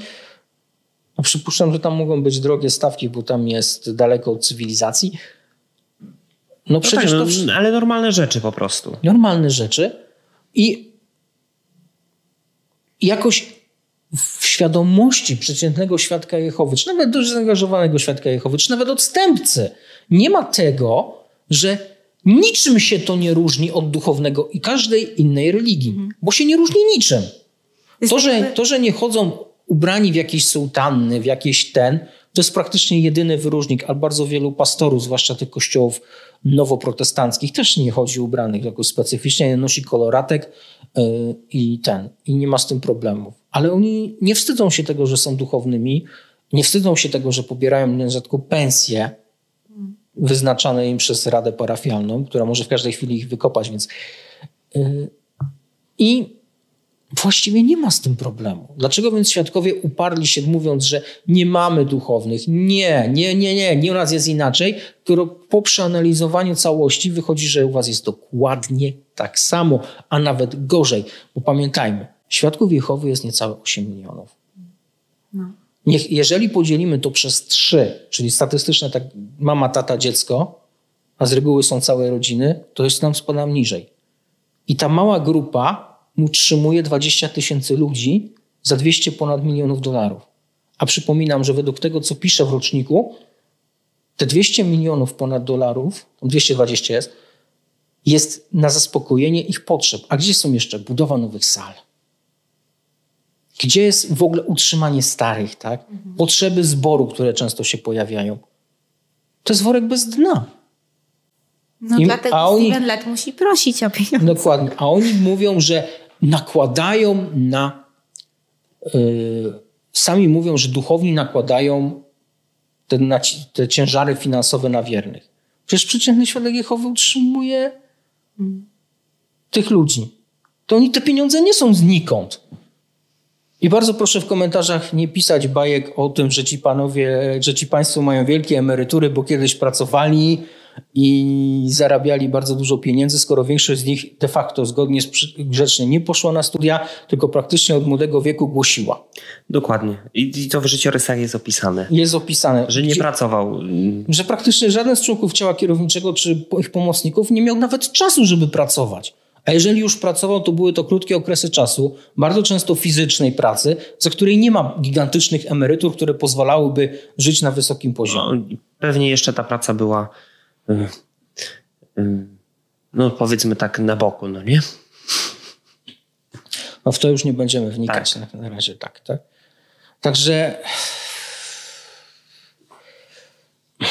no jest to sytuacja zupełnie jak gdyby dla mnie też niezrozumiała i tego tak do końca nigdy nie rozumiem, bo przeciętny świadek będzie mi się cały czas powtarzał, nie, u nas nie ma, nie, u nas nie, my jesteśmy różni, w artykule strażnicy jest to samo. Nie, nie, nie, nie. Tylko, że to jest wtedy kłamstwo i to należy powiedzieć wprost.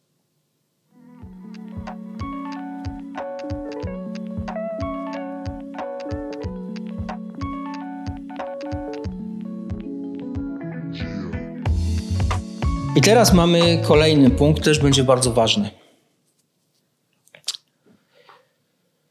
Mamy tak, najpierw mamy artykuł 53 tych urzędów duchowych. Wszyscy członkowie związku są równi wobec Boga, a urzędy duchowe ustanawia się wyłącznie w celu udzielania pomocy duchowej oraz organizacji życia religijnego. No to taka informacja dla świadków Jehowy w kościele katolickim jest dokładnie tak samo. Ba, w każdym kościele jest tak samo. Ba, nawet u muzułmanów wszyscy są równi przed Bogiem, kobieta i mężczyzna. Także y, tym artykułem jak gdyby nie da się pokazać, że tak naprawdę to, to, to, to my tych duchownych nie mamy, oni są tylko takie tego, a tak naprawdę to wszyscy przecież. Nie, nie, nie, nie, nie, nie, nie. To tak To jest przecież tylko po to, żeby się wszystko udało tak dobrze zorganizować i że ciało kierownicze jest takie mądre, bo tak korzysta odpowiednio z przepisów prawa, żebyśmy tak pięknie, prężnie działali. No. No oczywiście. I teraz bardzo ważny artykuł i przejdziemy do tajemnicy spowiedzi. 54. Osoba sprawująca urząd duchowy jest zobowiązana do zachowania w tajemnicy wszelkich informacji powierzonych jej w związku z pełnieniem tego urzędu zgodnie z obowiązującymi przepisami prawa. Polskim prawie jest luka, bardzo duża luka, która wynika z tego, że nie zdefiniowano właśnie osoby duchownej i nie zdefiniowano, co to jest spowiedź. I dlatego każdy członek związku wyznaniowego, który jest legalnie zarejestrowany w Polsce i ma statut duchownego, ma prawo powołać się na rozmowę na ochronę tajemnicy spowiedzi, w tym sensie, że nie, nie może wtedy świadczyć w sądzie. Zakaz jest bezwzględny, natomiast brakuje tutaj, żeby wyjaśnić, żeby było, co to jest spowiedź. W przypadku Kościoła katolickiego nie jest to żadnym problemem, bo jest kodeks prawa kanonicznego, który dokładnie opisuje tam, kiedy następuje spowiedź i de facto najprostszą definicję spowiedzi, którą ja bym mógł tutaj przytoczyć, to jest, która obejmuje wszystkie możliwe tak gdyby przypadki i tak dalej, to jest rozmowa członka danego związku wyznaniowego z duchownym tej religii przyprowadzona w cztery oczy najprostsza. Nie będziemy tutaj wchodzić, że tam muszą być jakieś warunki spełnione i tak dalej. Bo z tej ochrony tajemnicy spowiedzi korzystają też protestanci, mało kto o tym wie. Ale w niektórych jest napisane to wprost ich statutach, że korzystają z tego i że takie rozmowy odbywane właśnie w cztery oczy będą chronione tajemnicą spowiedzi. I teraz jest pytanie. Świadkowie Jehowy spowiedź odrzucają jednoznacznie. W żeby odrzucali, żeby odrzucali, tylko przecież na głoszeniu tak. Zwykły świadek Jehowy nieraz troszkę wyśmiewał nawet całą instytucję, nie wiem, czy to się jest instytucja. Można to nazwać tak, instytucją. Tak, że, że no przecież u nas czegoś takiego nie ma, a wy się musicie spowiadać. Nie? Śmieszne przed człowiekiem, tak, no, ale grzechy Bóg wybacza. Szeregowi świadkowie nie mówię, że tak jest w statucie, albo że tak oficjalnie mówią. Natomiast ja się spotkałem i również kilka osób, które miało rozprawy sądowe, spotkało się wprost, że starszy zboru wychodził przed sądem i powiedział: Jestem duchownym, korzystam z ochrony tajemnicy spowiedzi. Ale miała ta rzecz jakby związek ze sprawą, czy po tak, prostu. Nikt było... tego nie, nie, nie nikt, Ale nikt tego nie Aha, zweryfikuje. Bo, bo, to nie jest tak, że to, tak jak na przykład, nie wiem, jest w przypadku psychologii, że no nie możesz na przykład zdradzić tajemnicy klienta, ale nie, on po prostu się może całkowicie zasłonić y, tą tajemnicą spowiedzi, czy tylko w sytuacji, gdy na przykład miałby zeznawać nie, przeciwko... Nie, komuś... tajemnica spowiedzi jest totalna. De facto mhm. duchowny w przypadku Kościoła katolickiego nie może nawet potwierdzić, że odbył y, tego a tego dnia z tym mhm. osobą rozmowę. Okej. Okay. Tak? To jest totalnie. Zresztą najczęściej też y, spowiedź w Kościele katolickim zorganizowana jest tak, że się nie wie kto. Mhm. Kogo się spowiada, co to nawet jest dobre. Więc de facto no, on nawet ma wtedy trochę czyste sumienie, no bo nie powie kto, chyba że ktoś się przedstawi, ale to. No i albo że zna daną osobę, no bo to też jest. Ale mimo wszystko nie powinien zdradzić niczego i dlatego taka osoba, no, jeżeli jest zakaz przysłuchiwania co do faktów, o których dowiedział się podczas spowiedzi, no to teraz spowiedź, a spowiedzią można naprawdę rozciągnąć na wszystko w tym również na komitet sądowniczy, co jest moim zdaniem bardzo dużym nadużyciem, bo jeżeli mamy instytucję, na której się nawet świadków innych przesłuchuje teoretycznie, tak, i jest aż trzech, tak, jeszcze się z tego sporządza pisemny, pis, pisemny ślad, no to już nie powinien być chroniony jakąkolwiek tajemnicą spowiedzi. No, dokładnie. Ale jak najbardziej korzystają. I teraz przychodzi i mówi, ja jestem duchownym, ja skorzystam z tego. To co? To mamy y, instytucję, którą pogardzamy, nie uznajemy, nie chcemy, a jednocześnie, jeżeli prawo daje taką możliwość, to my bardzo chętnie się przyznamy, że jesteśmy duchownym i korzystamy z tego. I w ogóle, co znaczy zapis obowiązuje tajemnica, tak? Wszystkiego, czego się dowie podczas tego. To praktycznie jest już rozciągnięcie tajemnicy spowiedzi na absolutnie wszystko. No tak, ja bym to, ja bym to rozumiała tak, że na przykład mówię coś poufnie jakiemuś starszemu. Nie wiem, że zdradziła męża na mhm. przykład, nie? I tą tajemnicę spowiedzi rozumiem tak, że on to zachowuje, że ja się pożaliłam, a nie wyciąga teraz komitet sądowniczy. Ale jest też teraz przepisy te bi ich bi biblijne, oczywiście w cudzysłowie, że no, muszą załatwić, zrobić porządek w zborze i tak dalej, więc, więc to, że ja komuś poufnie coś powiedziałam, to już wewnętrznie tajemnicy spowiedzi nie ma. Znaczy nie wiem, czy to dobrze rozumiem, że... Mhm. Zresztą y, niestety z poprzedniego, któregoś z poprzednich filmów y, ktoś zmienił pierwszą wypowiedź i nie zachował się pewien artykuł, który wtedy cytowałem. Mhm. To może omówmy to teraz, jak to wy, y, wygląda. Świadkowie Jehowy w 1988 roku, to jest zdaje się, która to była strażnica z września chyba, to też znajdziemy i podlinkujemy dopuszczają możliwość, żeby adwokaci i lekarze łamali tajemnicę zawodową. Pamiętam, Oczy... ja czytałam to, to też o pielęgniarkach, tam był chyba przykład, tak, nie? O, o notabene oczywiście zmyślony przykład, żeby nie było w razie czego jakiegoś przypału. Tak? To, jest, tak, to jest taki bardzo dość niesympatyczny wybieg. I oni dopuszczają taką możliwość, bo oczywiście to jest kwestia sumienia, żeby nie było. To nie jest tak, że związek tego wymaga, bo tam już ktoś, pewien świadek chyba zaczął zarzucać, że, że związek tego... Nie, nie, nie, nie. To jest kwestia sumienia, ale dobrze wytrenowane sumienie wie, co podoba się Jehowie i dlatego postąpi się tak, a nie inaczej, tak? Więc yy, potem tam nawet jest fragment, że adwokaci i lekarze powinni informować braci, którzy do nich przychodzą, że mogą w tak. określonych sytuacjach to zrobić, co jest już samo... Straszne. To nie, to jest podstawa do wyrzucenia z zawodu tak mhm. naprawdę. No dokładnie. to jest było... absolutnie niedopuszczalne. Jeżeli ktoś ma taki dokument, to o, to zróbmy tak. Jeżeli ogląda nas jakiś adwokat, radca prawny albo lekarz, yy, notariusz, ktoś z zawodu Objętych tajemnicą o, zawodową. Który, który mają objętą tajemnicę, to ja tak proponuję, żeby jeżeli ma takie dokumenty, zrobił dwie rzeczy. Albo jeszcze dzisiaj je spalił, albo żeby je przyniósł na najbliższe spotkanie samorządu swojego zawodu i przyznał się sam i dobrowolnie, tak jak y, przed ciałem kierowniczym, że po prostu, nie, y, że tak powiem, nie do końca przestrzega etyki zawodowej. I to by było chyba najuczciwsze z waszej strony. Dziękuję. Ta- Tak, tak, taki mały apel dla. Mm, Kiedyś do mnie pisała jakaś kobieta, świadek, tak przynajmniej twierdziła, i twierdziła, że ona oczywiście jest psychologiem i że prowadzi terapię i że w ogóle to, że, że tam, że, że studia nie są zalecane, to my wszystko sobie wymyślamy. Tak, Ona, ona, tak. tak, to jest inny temat. Ale właśnie tak sobie pomyślałam, idziesz na przykład, nie wiem, masz problem, masz depresję, masz jakieś e, lęki, inne problemy, mówią ci już starsi, dobra, tu w sąsiednim zborze jest siostra, ona jest terapeutką, bo na przykład skończyła te studia, zanim została świadkiem. I idziesz do niej i nie, ma, nie możesz szczerze porozmawiać, bo, z tyłu, bo pewnie wielu świadków ma to z tyłu głowy, że, że w takiej sytuacji jej nie obowiązuje ta tajemnica, ta etyka lekarska. Właśnie, mo- możesz jeżeli pisała kiedyś do ciebie, to można by się jej zapytać, czy w razie czy ujawnienia ciężkiego grzechu, na przykład odstępstwa, poinformujesz starszych z danego zboru. Wiesz co, ja ją zablokowałam, bo chociaż była y, panią psycholog, jak twierdziła, to jednak jej styl komentarzy mocno, mocno na to nie świadczył. Tam był po prostu bardzo taki personalny hejt, więc... No, no rozumiem, ale bardzo bym był ciekaw, czy któryś z nich by, chyba że w tej chwili są jakieś prywatne, tylko dla nich na spotkaniach wytyczne, żeby jednak tego nie lubili, no bo przecież może dojść do delegalizacji, albo będą problemy, odstępcy będą tego i w ogóle pod żadnym pozorem tego nie róbcie. Tak, ale ogólnie jak tu są na przykład widzowie, którzy są takimi osobami już cichymi odstępcami e, i szukają jakiejś pomocy, czy to lekarskiej, czy prawnej, to warto poszukać osoby, która właśnie nie jest świadkiem, nawet jak wam cały zbór radzi, żeby iść do tego brata, bo on jest super, bo on jest prawnikiem i pięknie pomoże.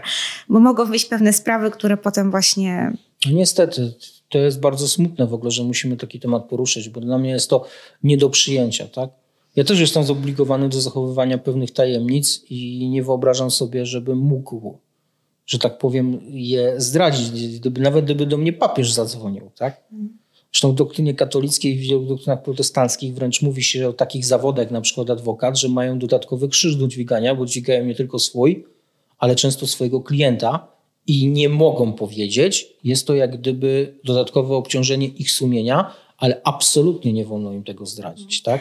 I tu wchodzą cali na biało starsi, już pomijając kwestie sądowe, takie świeckie, um, jak to nieraz, wiesz, wychodzi, że sobie po piwku gadają, nawet bez nazwisk, albo po prostu gadają, co się działo na przykład na komitetach. Bo oni w ogóle w tym wypadku nie powinni mówić, że taka sytuacja miała miejsce, nawet anonimowo. Tak, Tak, jak się mówi, że masz takiego klienta, nie? Nie, nie masz żadnego klienta. Nie. To jest tajemnica. istnieje. Nie, nie, nie, nie jest tajemnica. I teraz właśnie dochodzimy do sedna.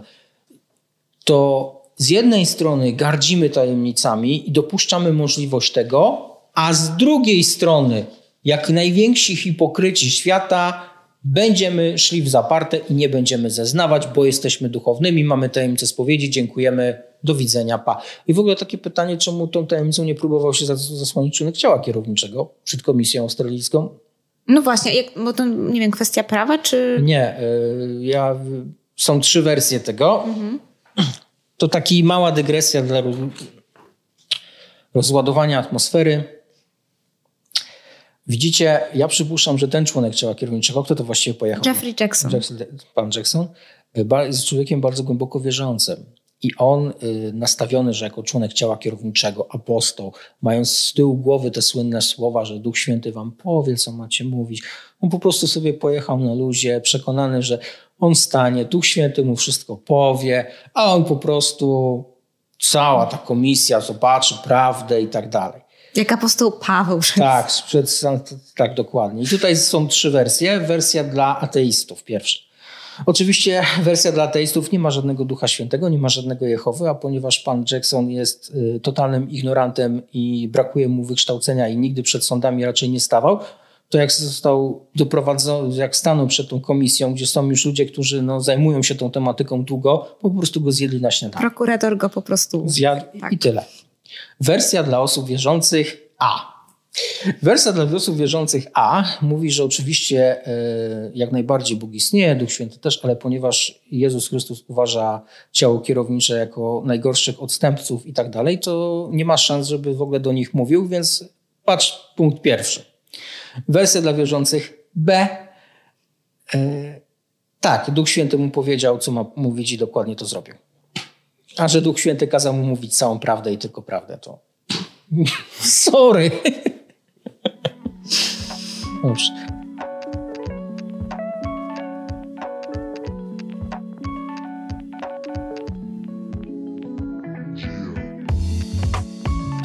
Jeżeli polskie prawo przewiduje możliwość korzystania z takich rzeczy, to każdy związek wyznaniowy w Polsce ma do tego pełne prawo. I nie ma w tym nic złego, że świadkowie Jehowy z tego korzystają. Tak, my tego nie potępiamy. Absolutnie. Są lega- legalnie zarejestrowaną religią, mają do tego prawo. Tylko niech mają odwagę się do tego przyznać. Niech ciało kierownicze napisze, że tak robią. Niech Komitet Oddziału w Polsce wyśle list do wszystkich zborów z pełną informacją. Tak, do wszystkich głosicieli. Dokładnie. Tak, poinformujmy naszych wyznawców, przepraszam, jak to tu w tym statucie jest napisane, członków naszej wspólnoty, Tak. że rzeczywiście tak jest. Dokładnie. Może powiedzmy starszym, że skoro są duchownymi, to mogą się ubezpieczyć i mieć też odprowadzane składki po części, bo, bo oni tego najczęściej nie wiedzą przecież. Dlaczego tego nie zrobić? Co stoi na przeszkodzie?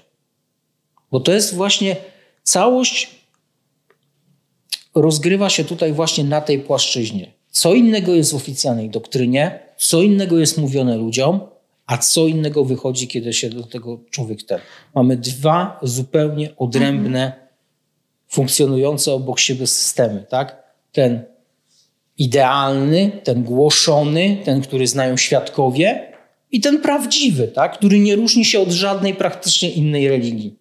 Bo ja teraz spotykając Ciebie na głoszeniu i Ty byś mi zarzucił na przykład, że mamy zakonników czy duchownych. Ja bym się kierowała tylko tym, co jest w publikacjach, tych dostępnych dla mnie, jeszcze jako kobiety, więc, więc bym szła w zaparte, że u nas nie ma, że, że Jehowie się tam nie podoba, że nie pobieramy żadnych e, z, z takich składek, że jest dobrowolność i no, no wszystko to, co świadkowie mówią.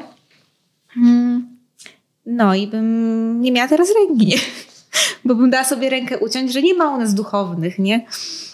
A w konfrontacji ze wszystkimi, jak gdyby. To, to, są, przypominam, to są oficjalne dokumenty państwowe, które zostały złożone, a no naprawdę nie jest tutaj moim celem podważać to, że i nie podejrzewam świadków, że, że celowo wprowadzili państwo polskie w błąd lub celowo je okłamali, tak?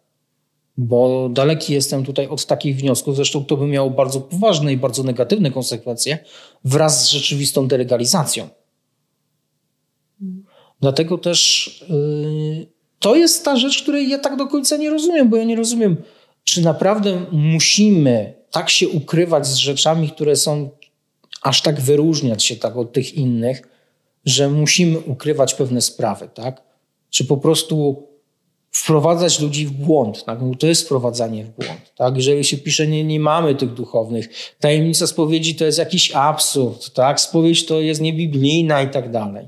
A potem brutalnie z tego samego korzystać, tak? Bo można, bo dlaczego by nie? Tak nie powinno być. Skończyliśmy na 54. Tak. Potem mamy jeszcze y, tak, że są starsi zboru, co taki duchowny y, robi. Jest napisane, że nikt nie otrzymuje jakiegokolwiek wsparcia materialnego lub opieki, z wyjątkiem tych, którzy są mieszkańcami Betel, czyli tymi członkami wspólnoty, bo oni otrzymują wsparcie materialne oraz opiekę. Tak? Czyli zobaczcie, też nie ma napisane otrzymuje wynagrodzenie, tylko wsparcie materialne oraz opiekę. Mhm. Tak? Co przecież, jak już ustaliliśmy, jest tak naprawdę tym samym. Być może w takim prawniczym języku y, to są dwie różne rzeczy.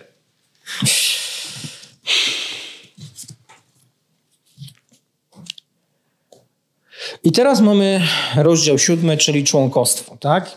I tutaj mamy zasadniczą zmianę. Członkiem związku jest każdy prawidłowo ochrzczony świadek Jehowy, który należy do jednego ze zborów na terenie Rzeczpospolitej Polskiej.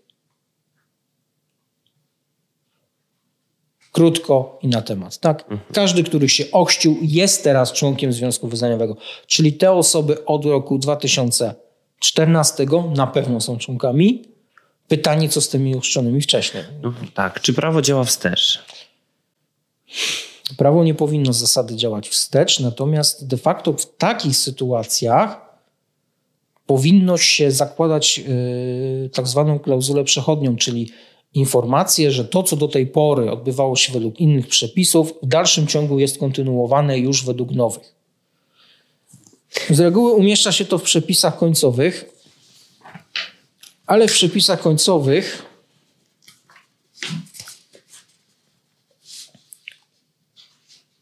Nie ma, jest tylko o pieniądzach tam w tak, zasadzie. nie ma ani słowa na ten temat. No, ja tutaj tego nie będziemy tego interpretować, tak, bo no nie, że tak powiem,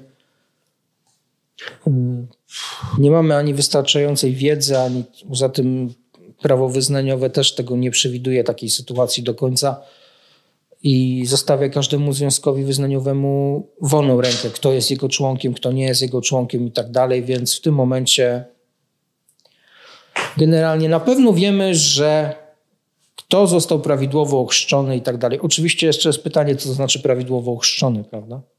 Noga nie może wystawać tam palec Tak, to już rozmawiałem, tak, słyszałem tą rozmowę i powiem szczerze, że tutaj było, nawet nie wiadomo, czy to i straszne i śmieszne, jak to mówią. Ponieważ po pierwsze w Biblii nie ma w ogóle ani słowa, jak to powinno wyglądać. Tak, tam nie ma informacji, coś ma wystawać, nie wystawać, że tego i po prostu takie, strasznie to jest faryzejskie jak dla mnie. Mi to tak strasznie faryzejsko brzmi, że y, ojeju, czy cały a potem się zastanawiają, a było to legalne, czy, czy prawidłowe, czy nieprawidłowe i co, będą, znaczy na szczęście teraz wszyscy nagrywają moment chrztu bardzo często, więc potem będzie a ktoś z braci i sióstr miał jeszcze z tego, a tego to mógłby przesłać do biura oddziału, bo musimy sprawdzić, czy został prawidłowo ochrzczony. Tak? Tak, prawidłowość chrztu. No, ciekawe. Oczywiście. Jest też napisane, tak, kiedy się ustaje, tak, że można się odłączyć. Oczywiście o tym, że ktoś jest odłączony, to zaraz ma przechlapane, to już słowa się nie pisze. Bo dlaczego? Nie, no jest w artykule 74, że każdy członek związku ma prawo uczestniczyć w życiu społecznym świadków Jehowy pod warunkiem postępowania zgodnego z celami związku oraz prawem wewnętrznym związku. Czyli jak przestajesz być członkiem związku, to nie masz już prawa uczestniczyć w życiu społecznym. No tak, ale tu nie ma napisane, że rodzina ma się, ma się od ciebie odwrócić, tak? Tak. No to już jest To ciężko. jest tak, tak ładnie ujęte po No prostu. to jest ciężko już uznać, że to jest, y, że stosunki rodzinne, nawet bliższe czy dalsze, to są, że tak powiem, praktyką religijną związku. Jak dla mnie nie są. Głosić słowo publicznie od domu do domu. No jest. No ciekawe, od dwóch lat. Od dwóch lat nie głoszą od domu do domu, nie? Więc y, No, no. Ciężko powiedzieć. Ale piszą listy, dzwonią. To też jest odgł- można podpisać jako ogłoszenie od domu do domu albo od telefonu Może. do telefonu. Tak jest. O tym oczywiście są źródła finansowania, postanowienia końcowe i na tym się statut kończy. Co ciekawe, istotny jest jeszcze artykuł 80.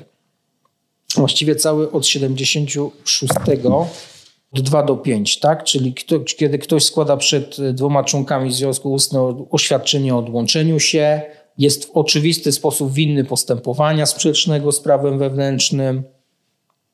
Ciekawy jestem, jak oni rozstrzygają, co to jest oczywisty sposób winny, tak? Bo to nie jest wykluczenie. Wykluczenie jest pod punktem piątym, tak? Zostaje wykluczone decyzją co najmniej trzech starszych następcy postępowania prowadzącego na podstawie prawa wewnętrz, wewnętrznego związku, tak? Czyli mamy tutaj de facto opisany komitet sądowniczy w takiej bardzo zaawalowanej formie, tak? czyli takiej nie nazwany tego wprost. No, właśnie, ale w ogóle ciekawa rzecz, bo według tego członkostwo związku zostaje, gdy członek jest w oczywisty sposób winny postępowania sprzecznego z prawem wewnętrznym związku. Ja rozumiem ten punkt jako na przykład, że są dowody na to, że ktoś robi, nie wiem, prowadzi się niemoralnie. Są dowody na to, że ktoś, nie wiem, upija się i widzą to ludzie. No tak, tylko my wiemy z literatury, że sam fakt na przykład startowania na urząd burmistrza byłby równoznaczny, tak? Oczywiście, gdyby coś takiego zostało napisane, to byłby koniec, tak? Bo to jest de facto wystąpienie przeciwko konstytucji, przeciwko prawom, biernym prawom wyborczym, przeciwko no, wręcz całemu państwu.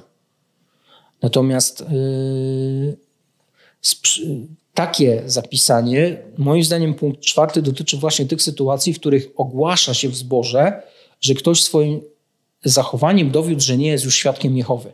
Bez przeprowadzania jakichkolwiek komitetów.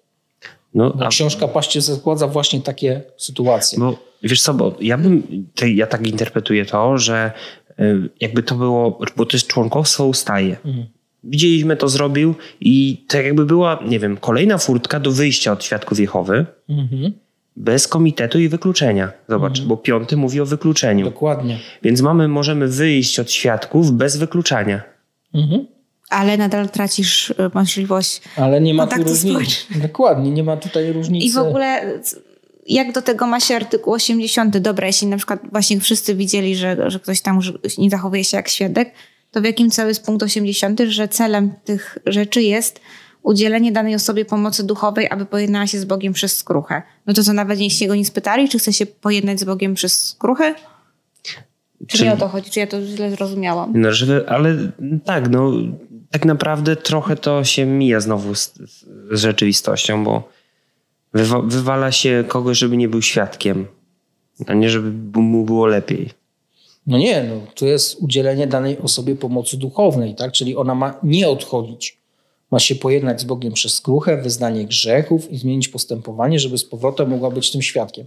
No i oczywiście ostatni po przecinku, które to okoliczności objęte są tajemnicą, oczywiście, tak? Czyli już zakłada się, że wszystkie postępowania, i to nie tylko sądownicze, ale te tak zwane quasi-sądownicze, czyli komitet niesądowniczy, jak w przypadku przyjęcia transfuzji, co jest moim zdaniem jedną z najpiękniejszych konstrukcji u świadków Jehowy, Y, wszystkie to objęte są właśnie tajemnicą. Tajemnicą spowiedzi, czyli taką, która z zasady będzie nie, nienaruszalna. Tak? Do momentu, w którym polskie prawo wreszcie zdefiniuje spowiedź. Tak? Mam nadzieję, że to nastąpi. Bardzo bym tego chciał, bo wiele rzeczy mogłoby wtedy wyjść na jaw. Tak? Nie tylko w odniesieniu do świadków Jehowy, ale na przykład w odniesieniu do Kościoła katolickiego. Tak, no, to byłby bardzo ciekawy moment. Bo przez tą lukę prawną bardzo łatwo ukrywać wiele rzeczy. Zresztą, wiesz, starsi w ogóle. W ogóle tak mi się teraz skojarzyło z tym, mm, z tym listem, o którym ci wspominałem. Teraz sobie go znajdę. No właśnie, bo teraz pytanie, mamy te dwa statuty, prawda? I teraz jest pytanie, czy po pierwsze świadkowie Jehowy wiedzieli, że w ogóle zmienił się statut, w jakikolwiek sposób zostały poinformowani o tym i kto został o tym poinformowany. I z Twoich słów wynika, że starsi zborów zostali poinformowani o tym. Tak. Ja bym Ci mógł powiedzieć, że z tego co pamiętam, była informacja na zebraniu na ten temat. Mhm. Nie przypominam sobie, żeby statut był czytany mogę troszkę się mylić, ale no, wydaje mi się... Wyobrażasz sobie, jakie byłoby poruszenie na zebraniu, gdyby usłyszeli, że, są, że jest zakon? Wydaje mi się... To o tym byście na pewno pamiętali, bo to by tak, huczał, tak. cała Polska by chyba wydaje na to mi się, że starszy y, przeczytał jakieś fragmenty i, y, i pewnie myśli z listu, które dostali y, starsi, być może tę preambułę, na pewno nie był czytany starsi, tylko y, całość, tylko była mowa, że jeżeli ktoś chciałby, to może poprosić starszych i oni udostępnią kopię statutu. Tego jestem pewien, bo sam wystąpiłem do starszych o ten statut, ale nie przeczytałem. Znaczy do starszych, no, wystąpiłem, to tak brzmi bardzo. Pamiętam po zebraniu rozmowę i powiedziałem, No, może, może bym ten statut też przeczytał. O, i co na takiej wyglądało, więc ja mówię, niby, niby takie moje interesowanie. To ty tyle pamiętasz, ja, ja nie mówię, że nie było, bo pewnie byliśmy na tym zebraniu razem, ale takie jedno z ogłoszeń po prostu, nie taka formalność, nic, natomiast, nic więcej, nie? Natomiast starszy yy, wypowiadał się, a to takie prawnicze rzeczy tam napisane, co tam się... Tak, i, i myślę, To że jest- wiele świadków tak to No interpretowało. tak, no ale Takie a tam- z tego, co przeczytaliśmy, no to jest to dość duż, nie tylko, że duża zmiana, ale no wręcz oficjalnie przyznane się do rzeczy, które są sprzeczne z doktryną tak naprawdę. Więc... I będąc świadkiem takim bardzo wierzącym, szczególnie w tamtym momencie, to odbierałem to w taki sposób, że to musi być ze względów prawnych, no co Cezara Cezarowi e, i co by tam nie było napisane, to, to nie ma znaczenia, bo świadkowie Jehowy nie są poddanymi rządów ludzkich, tylko Królestwa Bożego, no ale po prostu trzeba to zrobić, żeby jakoś funkcjonować prawnie w takim systemie i tyle.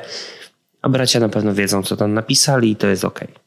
No, problem polega na tym, że absolutnie nie trzeba było tego robić, bo nie było problemu, żeby napisać, że mieszkańcy Betel to wyłącznie wolontariusze.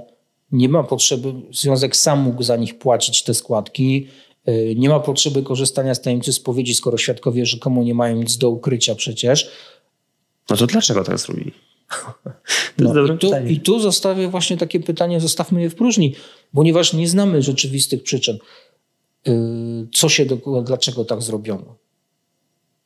Niech to zostanie tajemnicą, Tak. nie będziemy tutaj yy, przeprowadzać żadnych teorii spiskowych, prawda, czy gdybać, bo też moglibyśmy niechcący yy, skrzywdzić kogoś, kto miał na, tak naprawdę dobre intencje, tak? Czy rzeczywiście uznał, że no dlaczego mielibyśmy nie skorzystać z tego, no, że to ma takie, a nie inne konsekwencje, no to też nie mógł do końca pewnych rzeczy przewidzieć, tak? Może tu też wchodzić w grę nieznajomość prawa, co, co jest bardzo, tylko że to z kolei jest bardzo dziwne, bo strażnica na swoich łamach wielokrotnie chwaliła się wygranymi procesami, że to prawda zwyciężyła i tak dalej.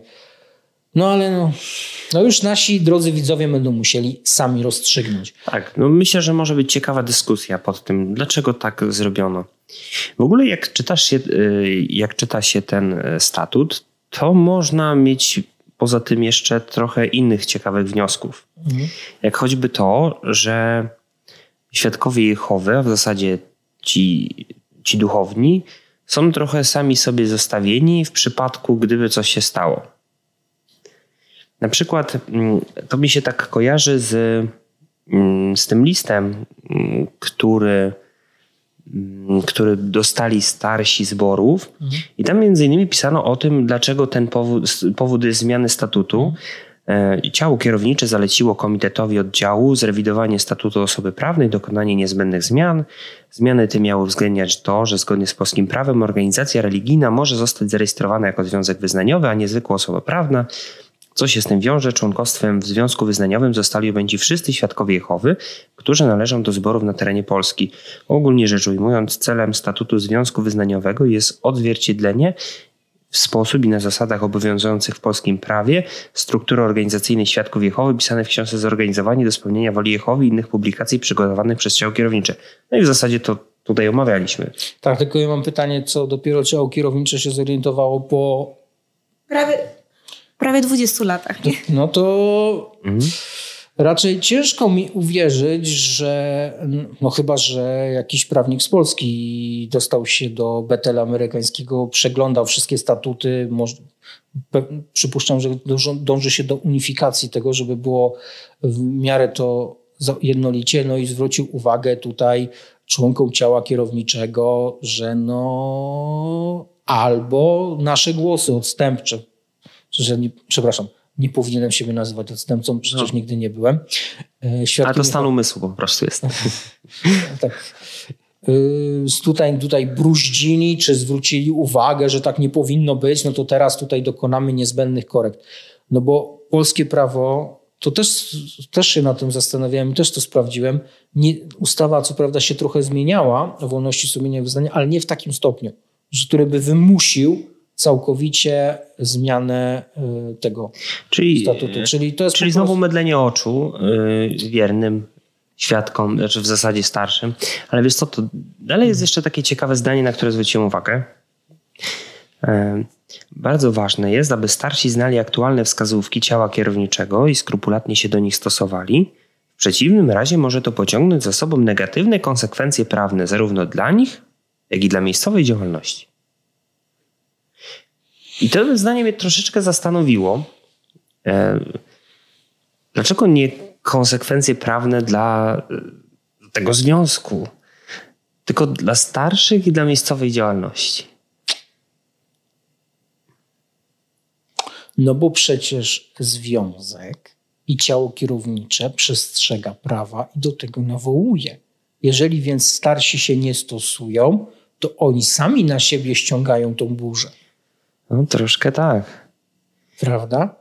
A że ciało, no w ogóle ja się zastanawiam, kto w ciele kierowniczym w ogóle ma zielone pojęcie o polskim prawie, czy jakimkolwiek innym systemie prawnym, skoro, tak jak mówiłem, chwalą się publicznie tym, że nie mają wykształcenia, więc yy, chyba, że mówię, oczywiście ja rozumiem, że korzystają z różnych pomocy, różnych firm prawniczych i może któraś prowadzona przez Polaka im podsunęła takie rozwiązania, a nie inne, ale no naprawdę cała taka sytuacja ze zmianą po tylu, tylu latach yy, i nie przejmowaniem się do tego czasu zupełnie, no jest dla mnie dziwna, zwłaszcza, że kiedy to, to był rok 2014, to jeszcze nie było obecnej władzy ale to raczej z tego, co zdążyłem zauważyć, y, jeżeli chodzi o związki wyznaniowe, to żadna władza w Polsce nie, nie, nie śpieszy się, żeby coś w nich zmieniać, coś przy nich, że tak powiem, y, wywracać prawo wyznaniowe do góry nogami, więc tutaj strach przed władzą raczej też bym odrzucił. No raczej nie sądzę, żeby polski ZUS pisał do, do ciała kierowniczego. Tak. Chyba, że rzeczywiście no, stanęła ta kwestia finansowa na ostrzu noża, że wezwano na przykład no, y, Związek Wyznaniowy Świadków Jehowy w Polsce to strażnica do wyjaśnień, czy rzeczywiście mają tych duchownych, czy nie, niech się określą i tak dalej. No ale mówię, no to są tylko spekulacje, bo my nie wiemy. Tak.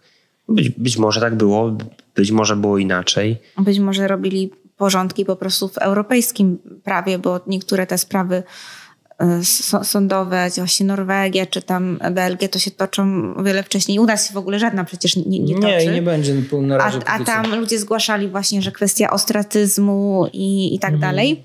E, I może po prostu po kolei na przykład sobie stwierdzili, że muszą, każdy to, każdym kraju europejskim jest trochę inaczej i muszą zrobić porządki. Mogło też być tak, ale no. dopóki nikt nam tam z Betel nie wyjdzie i nie powie jak było, to... Mam takie pytanie, to może mam taki apel będzie.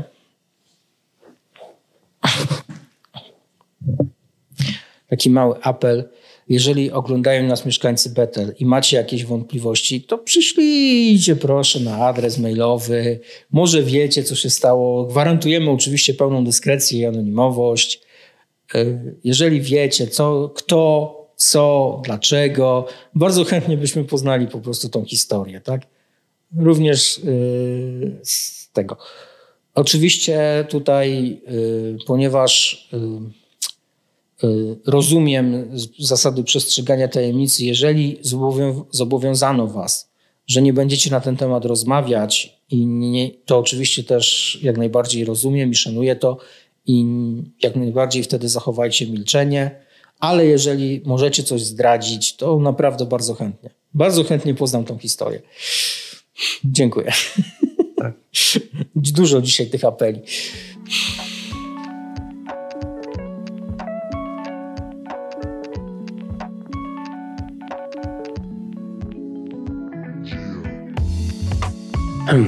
No więc tak, chyba zostajemy nadal z pytaniem, na które nie można jednoznacznie odpowiedzieć, czy byliśmy świadkami Jehowy, czy nie byliśmy. Szczególnie, y, że w Polsce, być może w innym kraju łatwiej byłoby znaleźć tę odpowiedź. Prawo, y, jakby polskie prawo dopuszcza do tego, że każdy związek, związek wyznaniowy może posiadać własne prawo, ustawodawstwo i, i ustalać jak pewne rzeczy mają funkcjonować. Według statutu nie wiadomo. Według listu do starszych, który tu przed chwilą przeczytałem, według tego fragmentu, to zostali wszyscy wcześniej wciągnięci. Mhm. Więc chyba niby byliśmy tymi świadkami Jehowy. No ale cóż, nie wiem. E, bardzo ciekawe, bardzo ciekawe rzeczy dowiedziałem się w związku z, z tym finansowaniem. My oczywiście nie mówimy tutaj, nie, nie mieliśmy na myśli tego, że świadkowie Jehowy, to, to co Artur też podkreślał, oni chcieli oszukiwać państwo e, w żadnym wypadku. E, to były nasze jakieś, jakieś nasze przypuszczenie. Jeżeli tak było, to wtedy można by było stwierdzić, że to było nieuczciwe, ale to dywagowaliśmy sobie tutaj na podstawie tego, e, tych wydarzeń, w których Artur uczestniczył.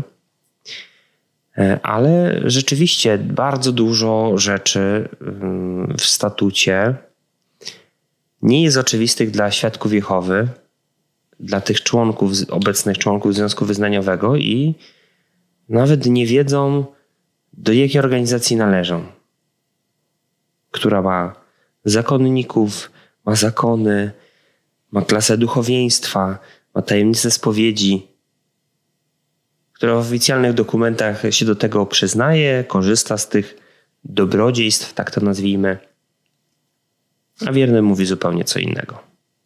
Czy to jakaś obłuda, hipokryzja? Nie, nie, nawet nie wiem, jak to nazwać. Właściwie to oni nie, nie można powiedzieć, że oszukiwaliby, nie wiem, państwo, bo ten, ten dokument jest okej, okay, sam mówiłeś ten Tak, dokument. dokument jest jak najbardziej w porządku i Ba... nikt nie ma przeciwko temu, że brali, te, że brali pieniążki. Zresztą e, tutaj e, należy zwrócić uwagę, że nawet e, wszystkie związki wyznaniowe w Polsce korzystają z tego dobrodziejstwa. Mogą z tego korzystać i muzułmanie, i buddyści. Do, tak. Nie ma tutaj żadnego problemu. Natomiast no, ukrywanie tego przed światem, czy robienie z tego jakiejś wielkiej tajemnicy jest zupełnie niepotrzebne. Pytanie, czy sami świadkowie, tacy zwykli, którzy to być może oglądają, czy oni czuliby się czymś takim oszukani? Bo ja trochę gorzej, bym się jakby czuła. Się, gorzej jakby się czuli zgorszeni. A, A tak, zgorszeni. zgorszeni. ale... No. Tak. Bazując moją całą wiarę na, na Biblii, na przykładzie Nowego Świata, trzeba podkreślić, strażnicach i innych publikacjach, no to czułabym, że ktoś przede mną coś ukrywa. I że to nie jest jakby organizacja, w którą ja weszłam w pełni świadomie. A właściwie zostałam włączona, wchłonięta po zmianie statutu. Nie przyszła żadna aktualizacja i że muszę się zgodzić lub nie. No. no właśnie, to zwróćcie uwagę, że standardowym zwyczajem jest to, że jak na przykład mamy umowę o prąd, o wodę o coś, i przychodzi zmiana regulaminu, czy w banku na przykład, to wtedy proszę, może pan wystąpić, rozwiązać umowę bez żadnej konsekwencji i tak dalej. Tak? Hmm. Tutaj zmieniamy za 180 stopni cały statut. Nikt nie powiedział. I nikt nie powiedział, że możecie teraz, y, mogą Państwo wystąpić bez żadnej konsekwencji. Tak. Hmm. Wiesz, ja w 2014 pewnie nawet jakby to przyszło, to mi osobiście bym pewnie nadal w tym, w tym tkwiła, bo byłam taka zaślepiona. Ale nie możemy wykluczyć, wykluczyć taki żart, że niektóre osoby powiedziały, okej, okay, dobra, rezygnuję i nie powinny cierpieć z tego powodu tak, żadnych konsekwencji. Te, które miały wtedy wątpliwości, dostałyby piękną wręcz możliwość wyjścia, tak? Właściwie tak y, osoby, które mają wątpliwości i wtedy miały, mogłyby teraz napisać do Nadarzyna i się zapytać. Kolejny apel. Najmocniej przepraszam, że tyle apeli, ale y, Zapytajcie się na Darzynie, czy możecie w związku ze zmianą statutu wy... bez żadnej konsekwencji opuścić ten związek wyznaniowy. Niestety pewnie się to będzie wiązało z szybkim komitetem zaocznym. Tak, no przyjdzie dwóch, dwóch starszych, będzie chciało porozmawiać o, o problemach Skąd duchowych ty w ogóle osoby. wiesz takie rzeczy? Znaczy, no. boję się, że raczej w tej sytuacji zostałby natychmiast ogłoszony komunikat, że ta osoba udowodniła swoim działaniem, że nie jest już świadkiem Jehowy. Tak, no czy komunikat zawsze brzmi, ta osoba nie jest już świadkiem Jehowy po prostu. No tak, ale... Bez wyjaśnień żadnych. Dlatego na przykład e, to tak mi się też skojarzyło z tym, że jeżeli e, komunikat ma brzmieć nie jest już świadkiem Jehowy, a jeżeli ktoś by powiedział coś więcej albo inaczej, to, to byłoby niezastosowanie się do wskazówek ciała kierowniczego i miejscowych tych przepisów i to mogłoby sprowadzić właśnie te negatywne konsekwencje. Oczywiście. Na tego starszego i miejscową działalność. Bo gdyby, bo, bo na przykład wielu byłych świadków Jehowy się bulwersuje, że nie pozwalam ogłaszać, że nie jestem świadkiem Jehowy. W związku z RODO, mhm. ujawnianie informacji, zresztą jakieś, jakaś sprawa była e, w tym temacie była prowadzona i nawet wyrok gdzieś tam czytałem jakiś, mhm. że tak, świadkowie Jehowy mają mają prawo tak powiedzieć, mhm. ale gdyby powiedział ktoś inaczej, że została wykluczona i to już by było... Czy zasada jest tak bardzo prosta, jeżeli e, mamy jakieś procedury, od których coś się zaczyna, coś się kończy i tak dalej, to dobrze jest napisać sobie formułkę, która będzie jednoznacznie utożsamiana z danym zjawiskiem. Tak na przykład jest, kiedy się zawiera małżeństwo, tak? To zawsze się powtarza to samo, tak? Świadome praw i obowiązków i tak dalej, i tak dalej. Właśnie po to zostało napisane, że każdy, kto to powie, to na 100% chciał wejść w ten związek małżeński, wiedział, co mówi mhm. i no nie, nie może potem się powoływać, że on nie chciał, że coś i tak dalej, tak? Może jakieś nadzwyczajne okoliczności, że był na przykład pijany, tak? No ale wtedy urzędnik nie powinien pozwolić zawrzeć ślubu, no to inna sprawa. Ale każdy, kto to powie, no to tak, dokładnie to miał na myśli i tak należy to interpretować. I mniej więcej to jest podobnie, tak? Ogłaszają ten komunikat, są takie, takie konsekwencje, a jak powiedzą to innymi słowami, to ktoś się może zacząć czepiać, czy co autor miał na myśli, a interpretację i dlatego właśnie wybiera się takie najprostsze formy. Mm. Jest... Ja wiesz co, bardziej miałem na myśli to, że taka osoba, o której to się powie, może zarzucać e, tutaj to, że e, zdradzono zbyt dużo na jej temat i ona może kroki prawne wobec organizacji próbować e, robić. Dlatego... No ale to organizacja powie, że my tylko kazaliśmy im to i to powiedzieć. A to, że sobie dołożyli, to już jest... To jest to... tej konkretnego starszego. Tak, to jest konkretny starszy, proszę do niego iść, proszę. I tutaj organizacja miałaby niestety rację, ponieważ no, pokaże dokumenty wskazujące, my kazaliśmy robić tak i tak. Ten pan starszy się wyłamał z procedur i zrobił nieprawidłowo, sprzecznie z naszym prawem wewnętrznym, tak? I w tym momencie organizacja jest czysta. Tak, no ciekawe. Hmm. Ciekawe spostrzeżenie. No myślę, że jeszcze w ogóle w komentarzach pod filmem będzie sporo takich wniosków, które, no mam które nadzieję, wyłapią że niektórzy. Będą jakieś apele i mam nadzieję, że. Tak. I jeszcze nawet jak zamieścimy ten, e, te statuty tam w linku do pobrania, generalnie jest tak, że każdy by mógł udać się do MSWiA i taki dokument poświadczony. No nie ma póki co jeszcze rejestru elektronicznego, tak? Tak. Nie ma jeszcze, ale może zostanie uruchomiony. Te dokumenty są autentyczne. Ja rzeczywiście nie byłem osobiście, mój wysłannik był, prawda? E, poza tym e, źródło pochodzenia tych dokumentów, które leżą tutaj przy stole jest e, jednym z najlepszych źródeł, które jest w internecie i wiem, że ta osoba rzeczywiście była czytała to i tutaj, że tak powiem, to są autentyczne dokumenty. Jeżeli ktoś nie wierzy, ma do tego pełne prawo. Cały czas będę apelował o wątpienie, cały czas będę apelował o szukanie samemu, cały czas będę apelował o sprawdzanie tego, co my tutaj też mówimy, tak? Bo i my możemy się pomylić. I zawsze też chętnie czegoś nowego się dowiem, bo ja bardzo lubię się dowiadywać nowych rzeczy, czy też zawsze mogę coś skorygować. Więc jak najbardziej zachęcam do wizyt. Kto jest w Warszawie, niech jedzie. Jest, rejestr jest publiczny, może sobie przeczytać, może dostać odpis uwierzytelniony z pieczątkami. Będzie miał wtedy czarno na białym. Zachęcam, zachęcam do szukania, zachęcam do czytania, zachęcam do zadawania pytań. Bo przecież jeżeli wątpicie, y, i stwierdziliście, że już nie chcecie, a przyby, przyjedzie do was nadzorca obwodu. Co za problem podejść i zapytać go w twarz? Jesteś duchownym czy nie? Jesteś ubezpieczony w ZUS-ie jako duchowny? No jestem bardzo ciekawy w ogóle, jakby zareagował na takie pytanie, ale no, jeżeli nie umiemy zadawać pytań naszym rzekomo duchowym przewodnikom, tak, no to równie dobrze można naprawdę powiedzieć, że jesteś w sekcie czy grupie destrukcyjnej, tak? Bo jeżeli się boisz podejść, zadać pytania, no to jest niedobrze. to już jest bardzo źle. No to, jeżeli ja podejdę, dajmy na to do mojego proboszcza, to on mi to, to, on mi to powie, tak? bo to też nie jest żadna tajemnica, że tak to wygląda. To ja, ja się na przykład od swojego proboszcza, który uczył mnie religii, dowiedziałem, że źródłem finansowania na przykład jego jest to, że może sobie wziąć jedną tacę ze mszy na swoje potrzeby i wydatki. Z pozostałych się rozlicza. I, nikt mi, I to powiedziano mi na religii jako, dzieciak, jako dziecku, tak? Mhm. Więc yy, i to też jest zapisane w prawie kanonicznym, bardzo dokładnie to jest rozpisane. Tu naprawdę można sprawdzić. Oczywiście, wiadomo, że będą tacy, którzy nie będą tego przestrzegać. Ja to rozumiem, i bo tutaj już na pewno już widzę te komentarze, co ty Artur chrzanisz, przecież wiesz jak jest w kościele i tak dalej. Ja to rozumiem, że jest różnie, ale pewne rzeczy są naprawdę zapisane, tak?